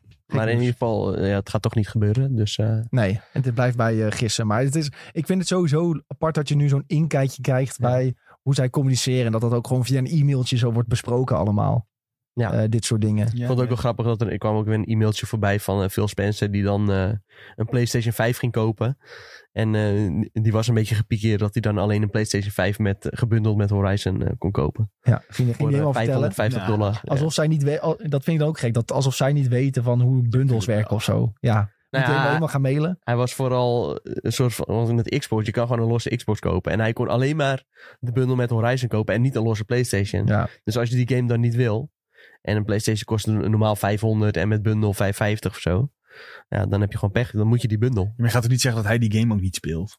Tuurlijk wel. Ze spelen allemaal elkaars games. Dat, ik geloof echt, ik denk dat ze iedereen, tenminste, het zou heel gezond zijn dat ze elkaar, nee oké, maar kijk, dat is jouw flaw. ik kan me echt niet, ik kan me niet voorstellen dat eh, een Herman Hulst niet even Starfield heeft opgestart bijvoorbeeld. Het lijkt me heel sterk. Ja, maar niet, niet per se daarom. Ik dacht meer dat hij het zo beelde van, dat het mailtje een beetje zo'n ondertoon had van, eh, moeten wij dat ook niet gaan doen? Oh, zo. een bundeltje. Ja, maar zij doen alsof ze dat ook niet doen. Halo was, werd ook gebundeld. ja, maar... Nee, nee, nee, zo bedoel- bedoelde hij niet. Hij bedoelde echt dat hij de PlayStation niet los kon kopen. Ja, En eh, dat vond hij een soort van. eh, ja, een soort van. ehm, neppe manier om extra games te verkopen, zeg maar. Mm. Zo van, oh ja, die game die verkoopt zoveel, maar dat is eigenlijk puur alleen omdat mensen alleen maar deze bundel moeten kunnen koop- kopen. En Ja, er waren geen andere opties. Dus dan ga je een soort van die cijfers een beetje oppoetsen. Ja. Wat ook zo is. Ja, maar ja, dat, dat, dat geldt toch ook voor Wii Sports, eh, Ma- Mario Kart. Dat, ja, en zij doen het zelf waarschijnlijk gegarandeerd met Halo ook. Ja, Nee, dat is dus niet zo. Want daar heb je dus de de optie. ja, om ja oké, gewoon- maar ze tellen die, die bundels ook mee bij de verkoop van Halo. Ja, maar daar heb je ook de optie om een, om een als je hem niet los wil, te kopen. Ja. los te kopen. En hij had op dat moment, kon hij alleen maar de bundel Ja. kopen. Was ook, waarschijnlijk kocht hij hem natuurlijk in tekort. Ja, Dat er alleen bundels beschikbaar waren. Want nu kun je ook wel weer loskopen. Maar toen was hij daardoor was hij een beetje gepikeerd. Maar ik vind het gewoon grappig dat je zo, nu opeens zo'n insight krijgt in hoe zij communiceren. En ja, ik bedoel, we zijn allemaal fan van Succession. Ja. Jij draagt uh, notabene de pet op dit moment. Ja, het is echt een beetje alsof je naar real life Ja. Succession aan het kijken Ja, bent. dat is echt prachtig. En ook dat hij dan zegt van... eh, ja, als we Nintendo kunnen kopen, dan, dat zou dan eh, mooi zijn voor mijn carrière. Zo, Ja. Dat, dat zegt hij dan van... eh, Career defining move. Ja, ja. En dan zo ehm, puntje, puntje, puntje. En dan zo'n smiley Ja, dat is echt alsof je Ken Roy op Ja. Prachtig. Ja, mooi jongens. Hey, ehm, we gaan alweer richting het einde van deze aflevering van de podcast. Ook omdat wij zo meteen dus live moeten ehm, met ehm Mortal Kombat 1. Dus als ja, je hij moet ook nog eten. Dus, eh, Ja, dat wordt een lastig verhaal. en ik heb echt eh, fucking veel honger. Tom wil graag vast eh, eten halen. Ik heb ook wel eigenlijk wel honger, jongens. Wat, wat gaan we eten zo? Zo Nou ja, daar- broodje kip. ja, waarschijnlijk even halen, was het idee. Zodat Ja, eh, minder- qua tijd het allemaal net wat lekkerder uitkomt. Oh, wat goed, jongens. Wat slim. Ja, slim hè? Dan kunnen we Ja. hier ondertussen wat ombouwen en zo. En dan eh, komt gewoon het broodje zo eh, aangeschoven. Nou, ben ik weer trots op jullie. Hey, ehm, ondertussen log ik even in in ons eh, systeem waarbij we de antwoorden kunnen zien van onze lieve luisteraars Ja, op de vraag van de vorige keer. Ik vond het goed dat we er doorheen aan het praten. Er, er, er, naartoe aan het praten. Ja, goed hè. Eh, we hadden jullie vorige keer namelijk gevraagd, wat zijn jullie ervaringen met Starfield? Want ja, daar hebben we het de laatste weken veel over gehad. Eh, laten we even een paar erbij pakken. We kunnen niet alles meenemen. Eh Mart stuurt bipolaire game. Het ene moment geweldig en ben ik zo vier uur verder in een bepaalde questline. En het andere moment erg ik mij aan alle laadschermen. Het feit dat het, en het feit dat het Elder Scrolls 6 had kunnen zijn. Ja, Ah. ja, ja. Nou ja, dat, dat schuurt bij mij ook nog steeds wel een beetje. Nou ja, wees dan blij dat het niet Elder Scrolls 6 is. Want misschien bedenken ze nu een oplossing dat je niet door al die laadschermen zit. Ja, maar Elder Scrolls 6 heeft niet 3800 planeten waar je de hele tijd Nee, dat is waar. Maar ik bedoel, eh, de Skyrim was ook, eh, als je een grot in ging, laadscherm. Ja, maar oké, dat hou je denk ik wel. Ik, ik heb niet de illusie dat dat weggaat, in ieder geval. Nou ja, als je, we hebben het over PlayStation gehad. Ja. Als je ziet hoe zij dat doen. Ja, oké. Ehm Fusely die stuurt eh, prima game hoor, maar slechte maps slash UI helpen ook niet mee. Vindt het ook erg jammer dat de meeste planeten zo wat leeg zijn en dat keuzes in dialogue bijna geen consequenties hebben. Ja, alleen bij de echt grote missies ga je Ja. dat eh, merken. Maar dat is wel een beetje Bethesda eigen, eh, heb ik het idee. Ehm Kingsley stuurt nog, had er meer van gehoopt, maar amuseer me er wel mee. Het navigeren is vooral vervelend. Dat hoor je bij veel mensen. Ehm, en Gijs stuurt, Starfield heeft ervoor gezorgd dat ik Fallout 4 wil proberen. Ja, dat is wel de betere game denk ik van de twee. Zo. Durf ik wel te zeggen inmiddels. Ja, het spijt me. Eh, Jeffrey stuurt geweldig, begint een beetje traag, maar toen ik eenmaal, eh, toen het eenmaal oppakte, was ik hyped. Lekker. Ik weet precies welk moment. ja, een paar van die laatste quests zijn wel heel erg vet van de. Ja, maar daarvoor zit ook wel dat moment die je denkt van, wow, Ja, ja, ja. goed ja, ja. Hey, ehm, zullen we mensen vragen welke vond je beter? De State of Ja, Play of de. goed. Ja? Welke vond je beter? State of Play, Moeilijk hoor. State of Play of Direct? En ehm, wat willen jullie als open vraag stellen? Hmm, hmm, hmm. Misschien eh, welke game van Bethesda kijken jullie het meest naar uit van die hele Ja. lijst die is gelekt? Welke gelekte game kijken jullie het meest uit? Maar, oh ja, mag ook alle gelekte games. Nee, van Bethesda. Oh, van Ik Bethesda. dat is wel, want anders kreeg je ook eh, de Nvidia dingen staan ook nog een paar leuke dingen tussen hoor. Nee, we vragen niet. Leuk jongens. Hey, ehm, Sven, Tom, Ja. jullie weer bedankt eh, voor deze aflevering. Mediatipje. Oh, willen jullie mediatip? Ik Ja. heb er zo weinig in opgeschreven. Ja, Sven heeft wat opgeschreven. Nou, doe maar dan. Het Noord-Nederlands Orkest, die ook op Lowlands stonden, Tom. Ja. Die eh, gaan eh, een in het begin volgend jaar een klein tourneetje doen door Nederland. En dan gaan ze game muziek spelen. Ja, Oh. dat is wel vet. Dus ook onder andere jouw geliefde Horizon. Die dame die dat zingt, is volgens mij ook mee. Oh, vet. Dus dat is wel erg lijp. Ik heb een kaartje voor eh, Eh, ja, volgens mij zijn er nog kaarten. En ja, ik ben één keer eerder geweest, ook in Groningen daar. Ja, het is echt kippenvel eh, overal. Heel vet is dat. Dus dat is mijn eh, tipje. Leuke tip. Tom, tip van Tom? Eh Ahsoka. Ga Ahsoka kijken als je nog niet bent begonnen. Ja, je bent echt op vakantie geweest hoor. Iedereen is, al, iedereen is al begonnen. Het is alweer bijna afgelopen. Ja, maar ik weet dat er nog een paar mensen zijn die nog niet kijken. Maar ga het kijken, want de laatste aflevering was echt eh peak Star Wars. Maar daar hebben jullie het over gehad.